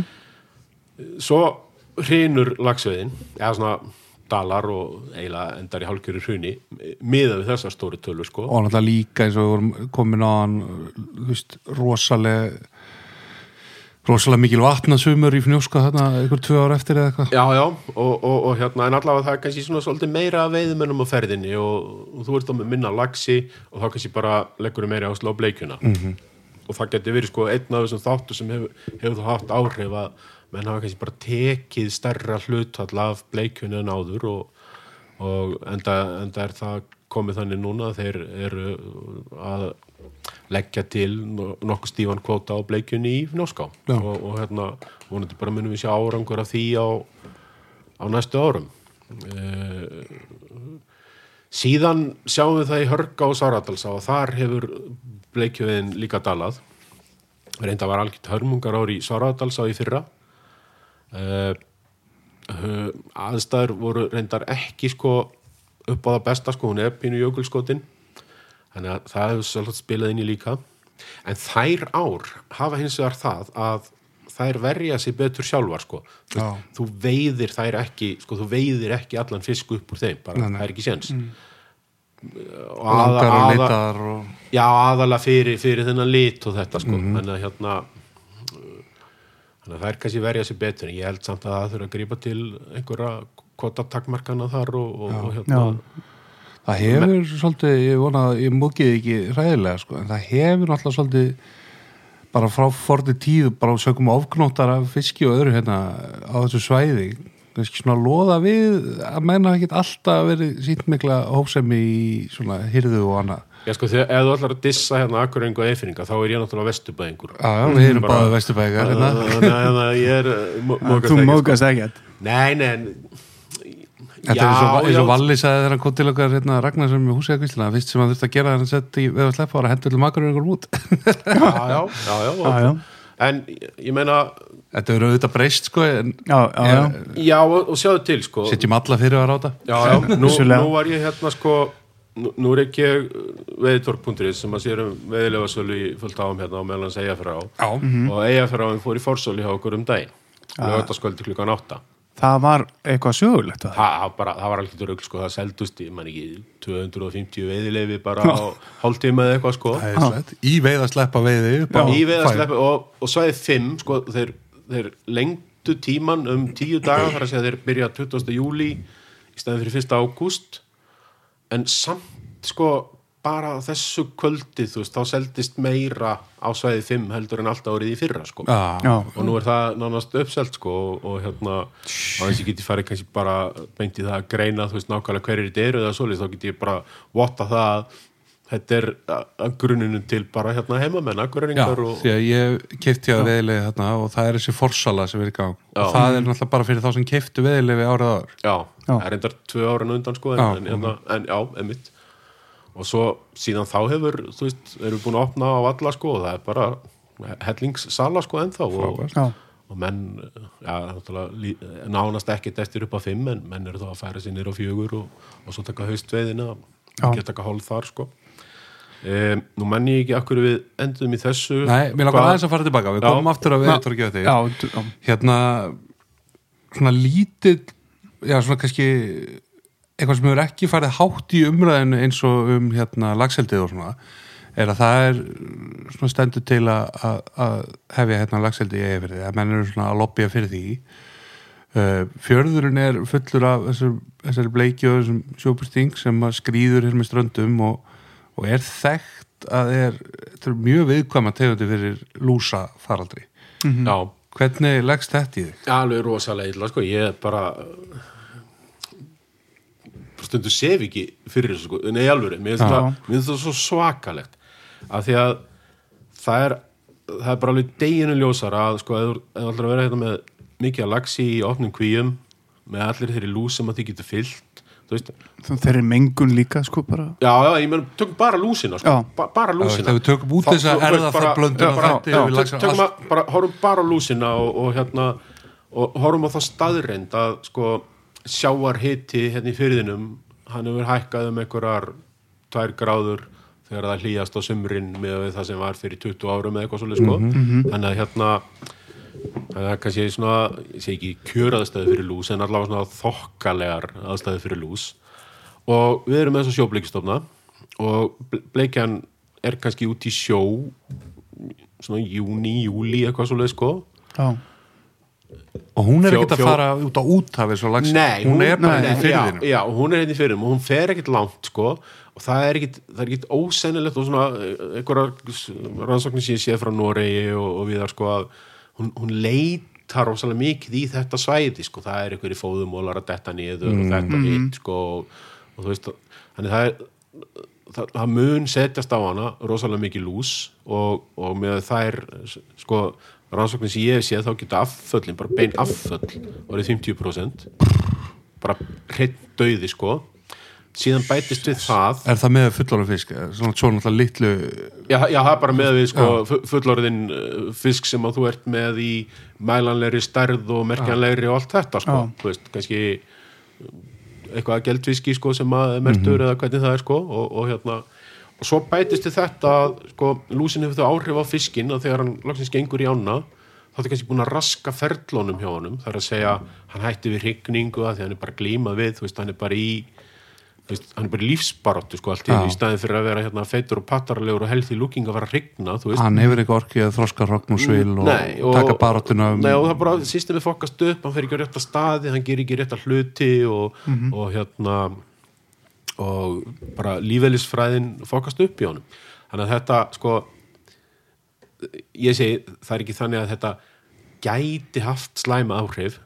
Þetta mun hafa Æ, jú, jú, hérna hundum við, er við erum með mjög góðan gest hérna með Já, okkur. litli veiðhundurinn minn er sammálað mér. Já, hann er brjálaður. Brjálaður. hann bara leiður við förum inn á Já, leiður við förum inn á þessa. Já, já, en, en, en það bara fyrir mér er það deginu ljósar að þetta mun hafa stórkostleg slæm áhrif og, og Þetta er bara mingur í hænsnabúi þetta er ekkit öðruvísi sko. Og, hérna og fyrst við fettum aðeins inn á þetta sko, þá, þá get ég sagt það sko að þegar menn er að tala um uh, á vestfjörðunum þar, þar er sko, er debatið alltaf um sko áhrif á vilda laxastofna. Mm -hmm. þar er þetta náttúrulega með sko litla sjóbleikjustofna sem að eru kannski sko þú veist, er ekki, er ekki til í neinum bókum fattið, þú veist, það, það er ekki þér Það skráð er eins og Jóhannes kom inn á sko. Í laxastofnar kannski 4, 5, 6 fiskar Já, eða eitthvað sko einhverjum já. sprænum og svo náttúrulega sjóbyrtingur og, og, og bleikja sko Já, já. og svo, og svo kannski bara þú veist, kemur upp lagsalús og allir þessi bleikistofnum drepast og það kannski bara tekur enginn eftir því að það vissi enginn almennilega að þið voru þarna Þetta er bara sko. tríð sem fellur í skóginum og enginn sér það já, já, já, já, já, já, já, Fjallahaf, akkurat, Já. akkurat sko. en, en hérna og svo er bara annað í þessu sem við þurfum að svolítið ákveða sko. er, er bleikja bara sem tegund eða eitthvað er hún einskis virði að það er enginn sem hefur tekjur að henni sko. Eða er þetta eitthvað sem að við viljum bara standa vörðum og, og hafa sko. Já, akkurat já, að sko við erum gestir á jörðinni Já. og við verðum að koma fram með uh, allt okkar umhverfis samkvæmt því sko Þú veist, við, við getum ekki ákveðið að eitthvað sem að er einhvers mikils virði fyrir okkur í dag einnar kynslaðagróði Já. sko, það, það, það sé ekki sko já, bara bara hvert náttúrunni per se þú veist, hún á sinn rétt og við erum gestur og allt það sko. En svo líka bara komandi kynnslöður, þú veist hvað eigum við að vera búin að hérna, uppskera allt sem er hægt að uppskera og svo bara fuck them, þú veist, Já. eitthvað, eitthvað svoleið sko. E, þannig að hérna en, en þú veist, en það er í óbúslega mörg horn að líta í þessu sko og, Já. og hérna, og við stanguðum en erum ekkert sko þú veist við erum einhver heila kýr þarna sko það er fullt af hlutu sem við hefum gert slemt þú veist og mm já. seðasleppingar í ár og allt þetta dót sko Já, og, veist, og alls konar svona fólk sem hefur í gangi gegnum tíðina sko Mm. Þannig að hérna, við, við, við megum alveg sko taka okkur á líka sko En það er eins og við segjum sko ég hef alltaf hort á þetta þannig sko þú veist, með þetta veið og sleppa eins og snertum aðeins á, þú veist, er þetta siðferðislega rétt og svona questionable? Alveg. Já, en, já, hérna, bara eins og fullt af hlutum sko en það er satt er erfitt að horfa fram með því að svona veiðin á fisknum sem skapar það aftur á móti nær samfélaginu og mönnum sem eigi þessar ár og svona einhverja tekjur kemur í veg fyrir að þeir stundi malatekju, netaveiði þú veist, það einhver hafi sko tekjur á veið og sleppa eða einhverju svona sportnýtingu er betra heldur en the alternative sko. já, já, því að það verður já, alltaf sótt að já, þessum fisk já, já. sko. Ef- Já, já. við setjum þess að það samingi þá er það þannig sko en svo má sko, svo má líka velta fyrir sér hlutum eins og sko þú veist þú veist, þú veist eins og Rathcliffe er að gera nú fyrir austan sko sko, er hann sem sagt er hann náttúruvendar sinni af því hann er að rekta upp laxastopp eða er hann veiðmaður eða er hann bara að búa til frábæran leikvöld fyrir sig sko, þú veist. Ég meina þú, gerir einhverja fossa fiskenga og þá hleypuru annari tegund þangað en kannski varðar. Mm þar fyrir voru öryðar og, já, einhverja bleikjur og eitthvað og þetta og hitt sko og, og, og þú ert með inngrip í kerfið sko. Þannig að þú veist, þannig fylgta hlutu sem við kannski þurfum sko þurfum að ræða og, og horfa í speilin þú veist og bara, þú veist, er ég að gera þetta af því að mér langar svo ógeðslega til að leika mér aðeins meira? Eða er ég að gera þetta af því að hérna uh, ég vil sannarlega vernda umhverfið mitt og, og hérna ganga betur um það sko. Já, eða, já, eða er verið að breyta umhverfinu til þess að henda já, ég veit, leik, þínum leikvelli eða eitthvað. já, eins og til dæmis einhver skórækt og eitthvað sem að getur verið beneficial bæði fyrir skortýralíf sem að einhver þá fæðu segða og alls konar, ég, ég man nú ekki alveg hvernig þetta var hvað röku var beitt fyrir því en þú veist, á að vera skór upp á heiði og austurlandi Já, já, það, já, Já, já, já. það, það, það er náttúrulega veist, stóra spurningar og, og hérna, ég er myndi í svona umræðu hópum á Facebook um þetta og er alveg fullt af hérna, vinklum á því. E, maður er svona báðmátt, ég Já, er ekkert að segja að, sé, að hún gangi eitthvað slæmt til eða eitthvað leið, maður Nei, er nei, bara svona nei, nei, nei, veist Maður og, bara, og, og ég, er, ég er alls ekki að segja það sko, ég er bara að segja þú veist við þurfum að sko ræða þessa hluti og ákveða sko byrja á skilningar sko af hvað kvötum eru að gera þetta og, og, Hmm. og hérna og er það eðlulega kvatir og þú veist og allt það sko. E, talandi um skógin e, bara svona lítil punktur í þessu sko af því að við erum að tala um hérna kattisinn sko já, sem eru sem, sagt, sem púpa þá eru þetta svo kallega sredderar eða tætarar Já, sem eru til dæla lítið af tegundum af á Íslandi. Þetta er þessi stóri gulli, þetta er landnemi hérna. Já, og, já og, og bara en, en þetta eru gaurarnir sko sem eru þú veist, væru opaslega góðir í því að geta löfblöð á botni og svoleið sko þú veist, og, og þannig hérna og hér var einu sinni skóur þú veist, við landam, þá var skóur hérna og það er kannski eðlilegt að hérna reyna endur heimta hann, þú veist, við erum stöndum okkur mjög illa í því sko. Já, já, og, og þá fáum við kannski meira á kattisum já.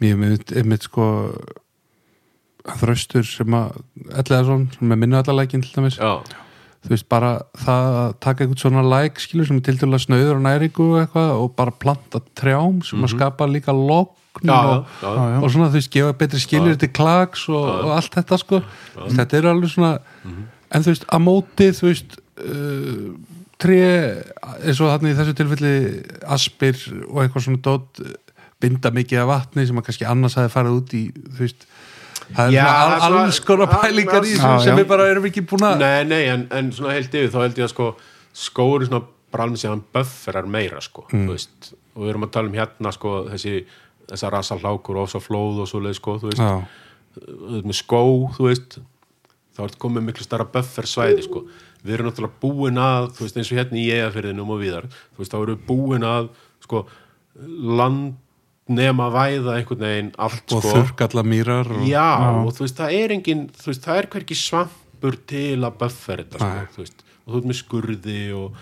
og það bara legur allt beint á túnu og þau hallar allan úti og einhvern veginn, þú veist og að svona og þetta er alveg bara þekkt stærð allstæðir í heimunu, sko. Við, við með okkar aðgerð þá erum við svolítið svona íkja sko sveiflunar í náttúru já, þannig að hérna, þannig að Men, það er kannski í svaka rigningum þá væru mýrar sem væru kannski svona þurrar eh, eftir langt sumar sem maður myndi taka og það fengjum kannski ekki svona hamfarflóðin sem við fengjum september í fyrra hérna, allan á Vesturlandi. Já, já, já og hérna fyrir norðan. Já, Já, já, og þú veist, og eins og þú hugsaður þetta með snjóin, sko, ég meina það er bara það er snjór inn í skóginum, sko, svo kemur alveg brjálæðislega hlýr vindur í nokkra daga, sko, Þess, hann bráðnar þó ekki allur, það er skjól í skóginum, sko, og þá loftið þessi kannski hár, þú veist, þá, sko, þessi bráðunin eins og núna, hún er af því að þú ert með vind sem að hendir alltaf uh, kaldaloftin í burtu sem er búið að þú ert bara með hárþurku á já, akkurat, sko, klakanum já, sko. já, akkurat, sko, veist eh, þannig að hérna já, mannana verk, sko. Já, Herðu, veiðitorg hérna, þú varst nú svo almennilega við okkur Eli og st- styrtir okkur hérna aðeins til norðanferðarnar heldur betur með og hérna, ég var nú löngu búin að tala við ef maður vera viðmælandi hérna hjá okkur fyrir það, þannig að hann er svona, eh, þetta er ekki, hvað ég að segja, keift umfyllun en, hérna, en uh, ég hef veslað hjá þér oft veiðlefi og þetta er svona bara einn af þessum veiðilega vefum og, og sem að auðvelda aðgengi manna að, að veiði. Já.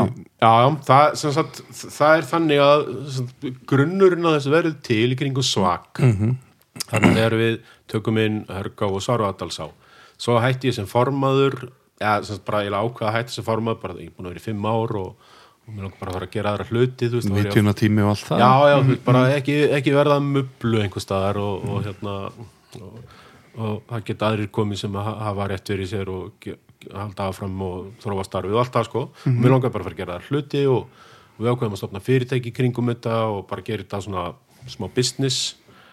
Og, og nú og við bara bara yngvar Karl búin að þróa rosalega flott og gott kerfi í kringum þetta og við bara höfum alltaf lagt áherslu á þessi allt svona sko potthett og skýrt og, og, og svona vel sýnilegt. Við erum ekkert mikið á svona fancy pansy uh, eitthvað hlutanum sko. Nei, en bara reynum að þetta virka og þessi örugt og, og hérna og svona sér hannað fyrir veiðifélögin og mörg veiðifélög hjá okkur með leifi í sölu Já, og, og reyndar margir veiðlega heilsala líka.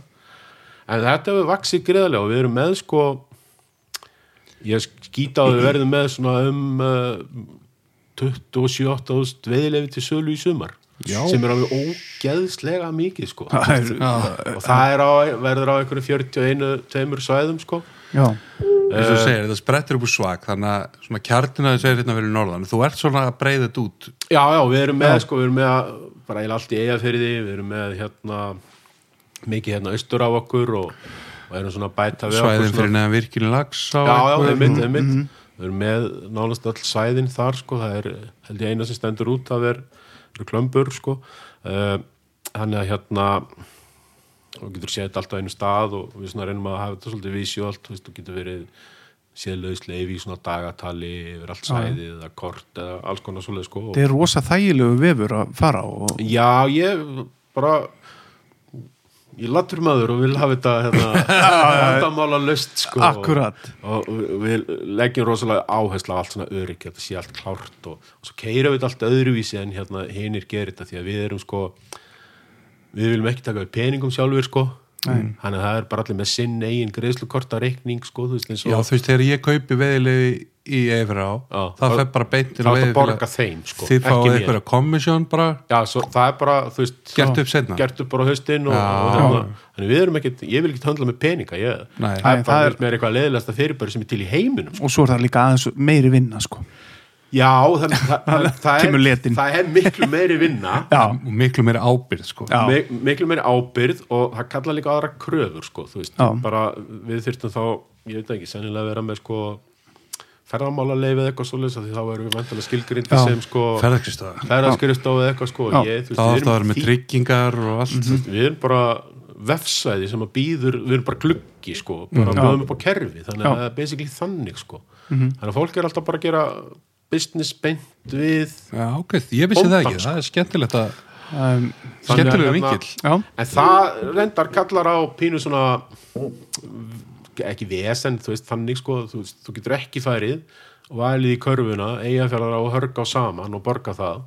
Nei, nei, þú voru að gera upp. Þú við, að borga já, það við getum ekki gert svona splitt uh, Já, já, það splittst ekki Nei, nei. þannig að þú er bara að velja sér hverju lagi og minnsta Já, mál já, það ætti ekki, Já, að- já, ætti ekki að vera flókið Nei, það Nei, er ekkit flókið En þú getur keift nokkra daga í hörga á í einu, skilu, þú ert Já, ekki já, já, já, Já. það er bara eitt sölu öðl og bara Já. Já, já. fyrir nú þeirra reikning og, og hérna, er reyndar svag með hörgá þannig að þú veist, Já, já, já, Já, það er já. í gegnum þá ég, Nei, jú, hörgá er jú, hörgá er með sinn eigin reikning þeir, þeir tóku líka hérna þægilega leiðin á þetta Já, og við vildi ekki vera flækita og Já.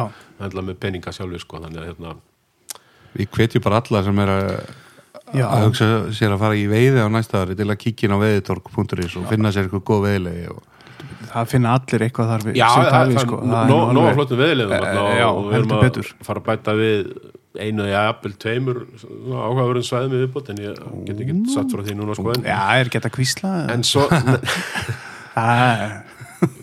ég ætla að prófa það sjálfur. Já, ok. ég get allavega sagt það sko, Já, þú veist, það er það áhugavert sko, svo, svo er maður að veita á flestum þessum svæðum sjálfur. En svo er kannski það sem að ég er svolítið svona mont, eða stoltur af sko, það er það að við erum búin að vera með rafræna veiðibókarna í gangi sko, síðan 2009 eða 2008 og það var pínu svona kannski glíma við veðimálastofnun fyrst að, að hérna, skilu sig af sér að því að Guðni vildi fá þetta bara allt á Excel-skjali sem að liti út eins og viðbókin svo hann geti prentað þetta út svo hann geti slegið þetta inn.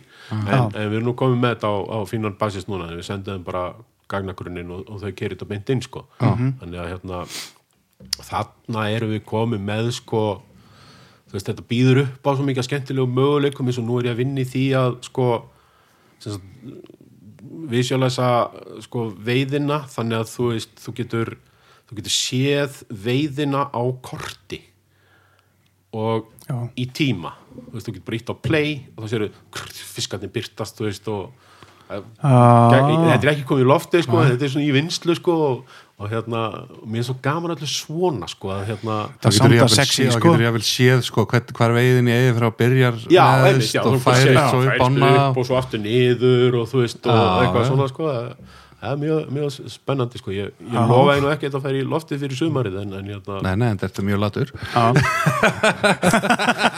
Þetta eru þín orð. Kannski næsta Það sumar, kannski- lofti Ég það, sko. sko. hérna, Ég er búin að prófa þetta eins og þetta, þetta er flott og skemmtilegt og það er gaman að hafa svona gagnagrunn og það er gaman líka að því hvað sko svona í raun og veru þetta, þetta leys, leysir svona skráning af vandamál á svo mörgum stöðum og sem er ekki með veiðuhús. Já, þú veist, bara eins og út í Sarðardal þú veist, það var veiðbókin alltaf bara í olísjöpunni sko, Já, svo eitt árið þá kvarfun Ná, þær tölur eru bara ekki til sko, Aha. þú veist og svo er kannski einhver að veið og glemt að skrá og hvernig eiga er þá að skrá Já. þú veist. Ma, ég er bara sendi e-mail og glemt að skrá hérna, fara á vefinn og og ekkert mál sko. Já, að hérna, það fungerar fínt. Svo voru kom mjög hérna- vel út sko. Það væri ekki ekki að þú getur fara að selja hastinni veðilegi í þingulatni hana sendur hann alltaf e-mail að beða hann um að skrá.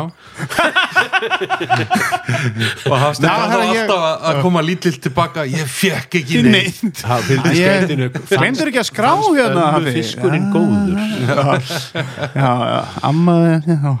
En eða, þú nefndir hérna áðanilega hérna að velgengni K.R. hafa oft svona endur speiklast í þinni velgengni við Já, það, það er alveg Já. ja, undarlegt sko ég hérna uh, einhvern tíma fengur Íslandsmeistaratitil og þá hérna veit ég stæðst að röð sem ég fengið og, en mér er sérstaklega minnistætt hérna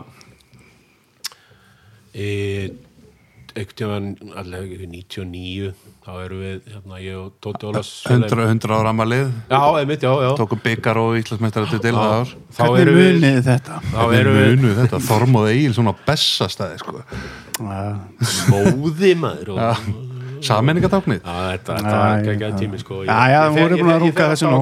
Káuleik því fyrir söður og, og hérna, fennur reyndar ekki oft söður en þá fer ég, reyni að hérna, fara á káuleik og finnst alltaf jafn gaman og hitta gömlu skólabræðin og allt þetta sko. já, En allavega við hérna, við erum að við hérna fyrir mig að fara á, þetta er svona, maður ekki áttunda seft, kannski eitthvað svo leið sko. Rugla laugadagur, já, já, laugadagur. Við förum fram á þrjú að veiða, fáum einhverja bleikjur um morgunin, komum svo heim í hátíðisliðinu, horfa á eitt fótboltaleik, káir vinnur, verður Íslandsmeistari, það tryggir sér titilinn og, og ég sé að Leeds hefur unni líka og ég segi svona við Tóta félagið minn þegar við erum að labba út í bílinn, Tóti, þetta er frábær dagur, káir Íslandsmeistari, hann er sko skagamæður. Fyrsta skipti í hvað 36 Veistu ára? Já, Já, já, já. einmitt, einmitt og, og, á 100 ára amalinu já, já. og Leeds vann og Það er bara einhver fram í hít- að fara og tökum við 20 pundara já, einmitt sko já. Veist, kannski eitt lags ári eða fyrir á. Nema hvað við förum hérna framöttir og, og byrjum uh, löpunir á og, og hérna svona, hár bakki svolítið og þar sjáum við hennan rísa lags Já, ok. Sem við bara auðvitað áttum ekki dvona á að sjá sko styggjum hann aðeins og, og hérna og bara, þú veist höldum pund og það fyrir mjög annað og kvílum þetta og komum svo bara hérna þegar að að aðeins að skyggja og, og reynum að taka hann. Já, og, og gerum það, fáum einhverja bleikjur og erum náttúrulega bara alltaf með hugan við þennan helvits fisk sko. bara óþægilegt Já, þú veist, þetta er bara bara hvernig getur við farið í hann sko. svo förum við þarna og Tóti eh, ég, ég man ekki hvort að tókum eitt reynsli hvor og eða hvernig það var, en allavega hann var undan mér og uh, þá var ég alltaf í veiði vestið, þið vitið með hérna, 68 vössum og tíni bíliklónum og allt þetta sko, og ég var alltaf með þú veist, og ég var eh, bara aðalega á bleikjuveðum náttúrulega alltaf, en ég var alltaf með tvær fransis í öðrum brjóstvæsanum, svona Já. stórar túpur svona halgjara kulrættu sko Svona túpur. tommu, Já. sko. og, og ég hendi undir annari svarta fransisnum sem er með gulum augum og, og Káur var notabenni með sjálfmerkið á búringin þetta sumar sko og bara í fyrsta kasti þú veist þá bara bara tekur hann svona hægt og rólega og bara gleipir fluguna þú veist og hún bara sittur vel í og ég þreyt hann á minni litlu sílungastöng og, og hérna Það er bara fjarki eða eitthvað? Já var, það var fimma hérna Loomis uh, Gerlags Já. frábær stöng sem ég sakna mikið ég braut hana, nei ég seld hana seldir hann að brotna. Í, í, í, í fyllir í stúr ah. voruð eftir og fekk uh, veiðibíli minn fyrir hérna græna tarfin, Nissan Terrano. Já, Nei, hann nei, sittur í bíl, hann fór nú í tætarann í haustu ekki? Nei, hann hérna ég seldi hann eins og er ég búin að kaupa hann aftur. Nei, það er svo, það er mikið að flugum í loftinu inn í honum, ég nefndi ekki að rífa þar úr en geggjaða bíl, sem er einu, einu, einu góðu kaupin sem ég gert á æfinni en eh, allt um það. Já, að hérna já og svo bara, þú veist, landaði lagsinum eftir kannski svona 20 mínútur, þá var hann ekki svona ofsa barátt á, þú veist, bara svona Já. hægt og ljótt og ég var yfirvegur stýrillum aðstæð og bara allt í góðu sko og svo allir fara að sleppa fiskinu þá kemur Tóti bara í hendingskasti og drepur hann ég þessi maður, þessi verður að fara upp á vegg svo átti hann í kistin í mörg ár og maður dróða hann svona upp kannski, þú veist á einhverjum montdrykju kvöldum og skellt honum og eldusborð að sjáu þið hana en hann, hann endaði aldrei uppstoppaður og, og endaði svo bara í ruslinu sko en, en hérna æ, æ, æ, æ. var þetta stór fiskur? þetta var sko, hann var 20 pund en hann var ekki 100 centimetrar En hann var 20 já, pund hann var alveg 20 pund sko. hann var alveg, hann var alveg margmælt þetta var svona ógeðislega þykkur og Já, flottur já, þetta var hængur, sko. 97, 98 Já, ég held að hann hefði verið 98 og, og hérna alveg hrein og klár 20 pund. Það var alveg sko Skur aðaldælingur Mælt. villast alveg endalist já það er sko, það er pínlítið af laxi í eigafjörða já, maður sér það alltaf svona annars lægi og, og það eru svona yfirleitt svona þokkalast þú veist, þetta er yfirleitt eins og þetta séu tveggjára fiskar sko, sem er að koma þarna. Og, og, hérna, og ég fæ oft eitthvað að laxa seðum þegar ég er að rafið það en ekki alltaf sko.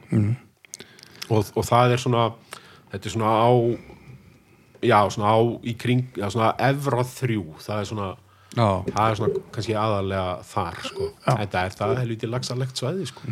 það er gríðilega fallið sæði flott, flotti staðir þar sko. Þannig að þú tókst þetta var KR káverlaxin minn sko. Já, maður. Og ég man hvar ég var þennan dag sko, ég var mættur hérna á Eðistorg já, já, já. að fagna sko, Já, get- ljónunu Ég get sagt eitthvað það að ég man ekkert hvar ég var. Nei. Það er nú líka bara þannig með því að það eru flesti dagar þannig. Eh, ég, þú varst áttur þennan ból þá, nei, þetta er blóðmör já. Þetta er bló, blóðmör sko, þetta er, þetta er nýr bólu Ég fór í heimsók til Steppa og, og fekk hana ból Já, bara hjá já. Fór og kefti, kefti af honum og lét peningana renna beint til Já, og já, já. tók hérna spjall við þá og... Músík til mitt- já. ég var einmitt búin að hjó eftir hérna þegar við vorum að kera til hinn ég sá hérna byggingu merta að samtökunum og, og hérna ég veit þá hver ég legg hafstinni í kvöldi og hann er derring sko. Hún fer hérna inn hafstinni Já, alveg rétt, já, þau eru nýri Já, já, já, Já, þau eru eru liðin þarna- á á erinni já, já, já, það er allt hérna í Allt til alls hérna á erinni sko. það er AA og allt sko. Hvað er allar að veiða sumari 2020 Ég sjálfur? Ég ætla að veið ég frá. Já, Náður, að, Og- náður í leifið þarna á, á vefnum? Þó, Nei, nei, ég reyndar ekki búin að taka mér leifi sjálfur sko. Nei, já Það er bara góð, punktur sko.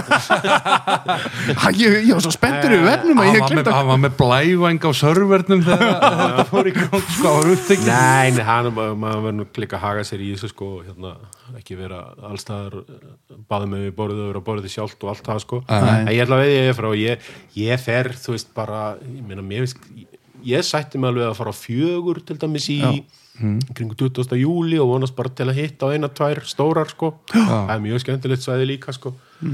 Og svo þælist maður eitthvað um þetta bara allt sömari sko. Svo þetta maður sjálfsagt kannski eina vakt í vor ef það er þokkalegt veður. Já, svo fer ég, ég ætla í fnjósko ég ætla að taka uh, lagsveið túr þangað. Svo hérna svo þælist ég eitthvað hérna um í fyrðinum bara það, er, sko, veist Það er að nóg að taka já, ég meina, hér ég innan við klukkutíma akstri í allar áttir, veist, þetta er einhver 20 svæði, sko Já. þetta er bara mekka þetta er bara Já. frá Tjörnesi og, og hérna upp í Bárðardal og Já. hérna út af út af fljótum já, já, já, Fljótin. og bóðslega gaman að veiða þar, sko Já. ég, ég veit mikið í Ólafsjárráni og, Já, og þessum ám, sko, það er bara íðislega, sko, héðinsverðinum Já, þetta, er, Þetta þetta er- alltaf alveg frábær svæði, sko. Akkur býr maður ekki bara hérna fyrir norð þetta er eins og við vorum að tala um Sigþór þegar við vorum að keira enga veist, Við búum uh, í Kóbói og þá allt sem er klukkutíma frá okkur kostar yfir 50 skall eða eitthvað, þú veist dagurinn eða eitthvað. Nei, en þú veist, í alveg, ég ætla náttúrulega ekki að fara að laða fólkinga, sko, þú veist, er bara búið í Reykjavík, það er góð þjónustæðar og allt það, sko, en hérna en þegar við, við vorum búið með námið hérna 2001, þá svona velduði fyrir okkur, sko, hvað við ættum að gera. Mm. og ég bara ég sá, ég sá enga ástæðu til þess að flytja aftur söður, þú veist, hér hafði allt sem ég vildi hafa. Já. Nóa veiði, þú veist meira fámenni að reyna Í- að komast í þá veiði. Já, og, og, já. og bærin er samt nú stór til þess að sinna allir þeirri þjónu það eru ressar og pöppar já, og já, nót til alls í bíógóðum stað, í bínu eiri, þú veist, í gungufæri við allt og, og hérna og svo er náttúrulega bara umdalsvægt betra viður hérna, sko. það er bara, það er bara þannig, sko það er alltaf, það er alltaf Já, já, gefur, já, þú já. ert úr vesturbænum hættu þessari Nei, djúsli ég, ég, ég, bara, ég get ekki það í gert, það er bara svo ég held að við vesturbækandi getum ekki eins og reynt að halda því fram að þessi sæmilegt við erum sko. Nei, það er alltaf skýta, skýta við maður fer alltaf alltaf í síðbrók út í gallabúksna Já. en maður fyrir að kára öllum sko. Já. Nei, nei, það er bara, þetta er bara öðru sér veðrakerfi og við erum hérna inn í dal og þú veist, Ah, já. djúft inn í fyrði og það eru háfjöll, þú veist, röllaskæin hérna fyrir vestan okkur og skýlir við, þú veist, 1400 metra háfjöll og, en þú veist, það er er miklu meiri svona staðir, miklu meira miklu meira logn og, og svona meiri svona season í veðrinu, sko, meira sumar, þegar sumar, að við kemur stundum ekkert sumar hérna, það, það alveg kemur fyrir, sko. þá er til dæmis ekki gaman að vera með þurrflugukalla í viku. Nei, Nei. Nei. ég kannast þetta Það. Er alveg djöfulegt sko, maður er svakalega timburaður eftir þann túr En þú þa- þarf nú vel að bara fara með þetta viðtalega að kemur út nýra á hérna, bæðskristu ökkurir og fá eitthvað afslátt og útsvari held ég sko. Já, ég held að ég- Já, eftir það að bara mókast hérna stofnun hérna Já, ég trú á því. En, en uh, þá kannski förum við í bara veiði lægið Já, og Já. það var hérna vel valið Sigþór. Þetta, er Shit, grú- þetta er með svalari lög. Já, þetta er grúpa sem hefur ekki komið áður. Við erum sáttið með þetta og, og þetta er nú úr það lag var nú notað í sjónvastætti og maður mjög svölum sjónvastætti Ég vissi ekki alveg hvað lag þetta er fyrir en að Elli Nú. mitt bent á þessa tengingu og þá Já. vissi ég að leið sko. Já, sko Já, Hvað með þetta? Hva, já hvað þetta- erum við að fara að hlusta á? Ég ætlum að hlusta á Alabama 3 hérna, Ég man nú ekki hvað lagi heitir ég, Það er hérna Woke Up This Já, Morning Walk of this morning, já og geggja lag sko, og geggja hljómsveit og, Já. og svona, halgjör svona fjöllista hópur sko Já, sem, sem eru alls konar tónlist en, en það er náttúrulega þannig með tónlist sko, ég heyra margir tala um að þeir hlusta ekki á tónlist þegar ég veiði sko. mm. ég hlusta ofbóðslega mikið á tónlist og, og mörg lög sem að passa í þessa stemningu, Já. þú veist Stevie Ray Vaughan í eftirpartíin Já, í veiðhúsinu, þú veist hérna telegrafrót þegar maður er að kera tjörnis og koma ógeðslegu hérna, Já, Kísil já, já, þú veist og, alls konar svona og eða er- Góða tengingar hann. Já, það partí í húsinu, þú veist, og Já. maður næri ekki að sopna, þá setur maður bara ta tapa heyrn tólinn í eirun og hlustar á hérna Clafton Unplugged, þú veist, eitthvað svona, Já, sko, þú veist, það er fullt af svona, sko. En þetta lag, hérna, þa það var þannig að við, við vorum í, í Mýrakvísli veiðhúsinu þar, í, á mik mikill í gleði stundu, eitthvað, svona, tvöum nótt og þriðutaskvöldi mm. og ég er að reyna að spila þetta lag í símanum mínum, í bluetoothinum, í græðunum í veiðhúsinu og það bara kemur ekkert, sko, ég hækka og hækka og þú veist, og svo endingu, þú veist, á næst það, sko, svo daginn eftir ringi ég heim þá á ég eina alveg brjálað eiginkonu þá er ég, er að spila þetta yfir wifi hérna í stofinni sko. Um miðjanótt. Um meðanótt og vakti alla og þú veist, hún bara um hver það. brust inn hérna. Já, woke up this morning. Bara miðjanótt. Hún náttúrulega komið upp um fyllir í það Já, og, og, og pýrir svona drungalegt lag sko, Já, einmitt til að vakna við um miðjanótt. Bara einhver mafjósi frammi að það Já. þú veist, að gera hvað sko. Þannig að hérna Þetta er geggjala og hérna já uh, þetta er náttúrulega stefið í Sopranos. Já, Já, já, akkurat. byrjun á stefi ég held að kveikir nú getur já, getur ekki verið svalara. Nei, og kannski bara með því að lítur nú að vera er það ekki byrj... það lítur, hún lítur þannig er það komið sko, er það ekki? Já, já.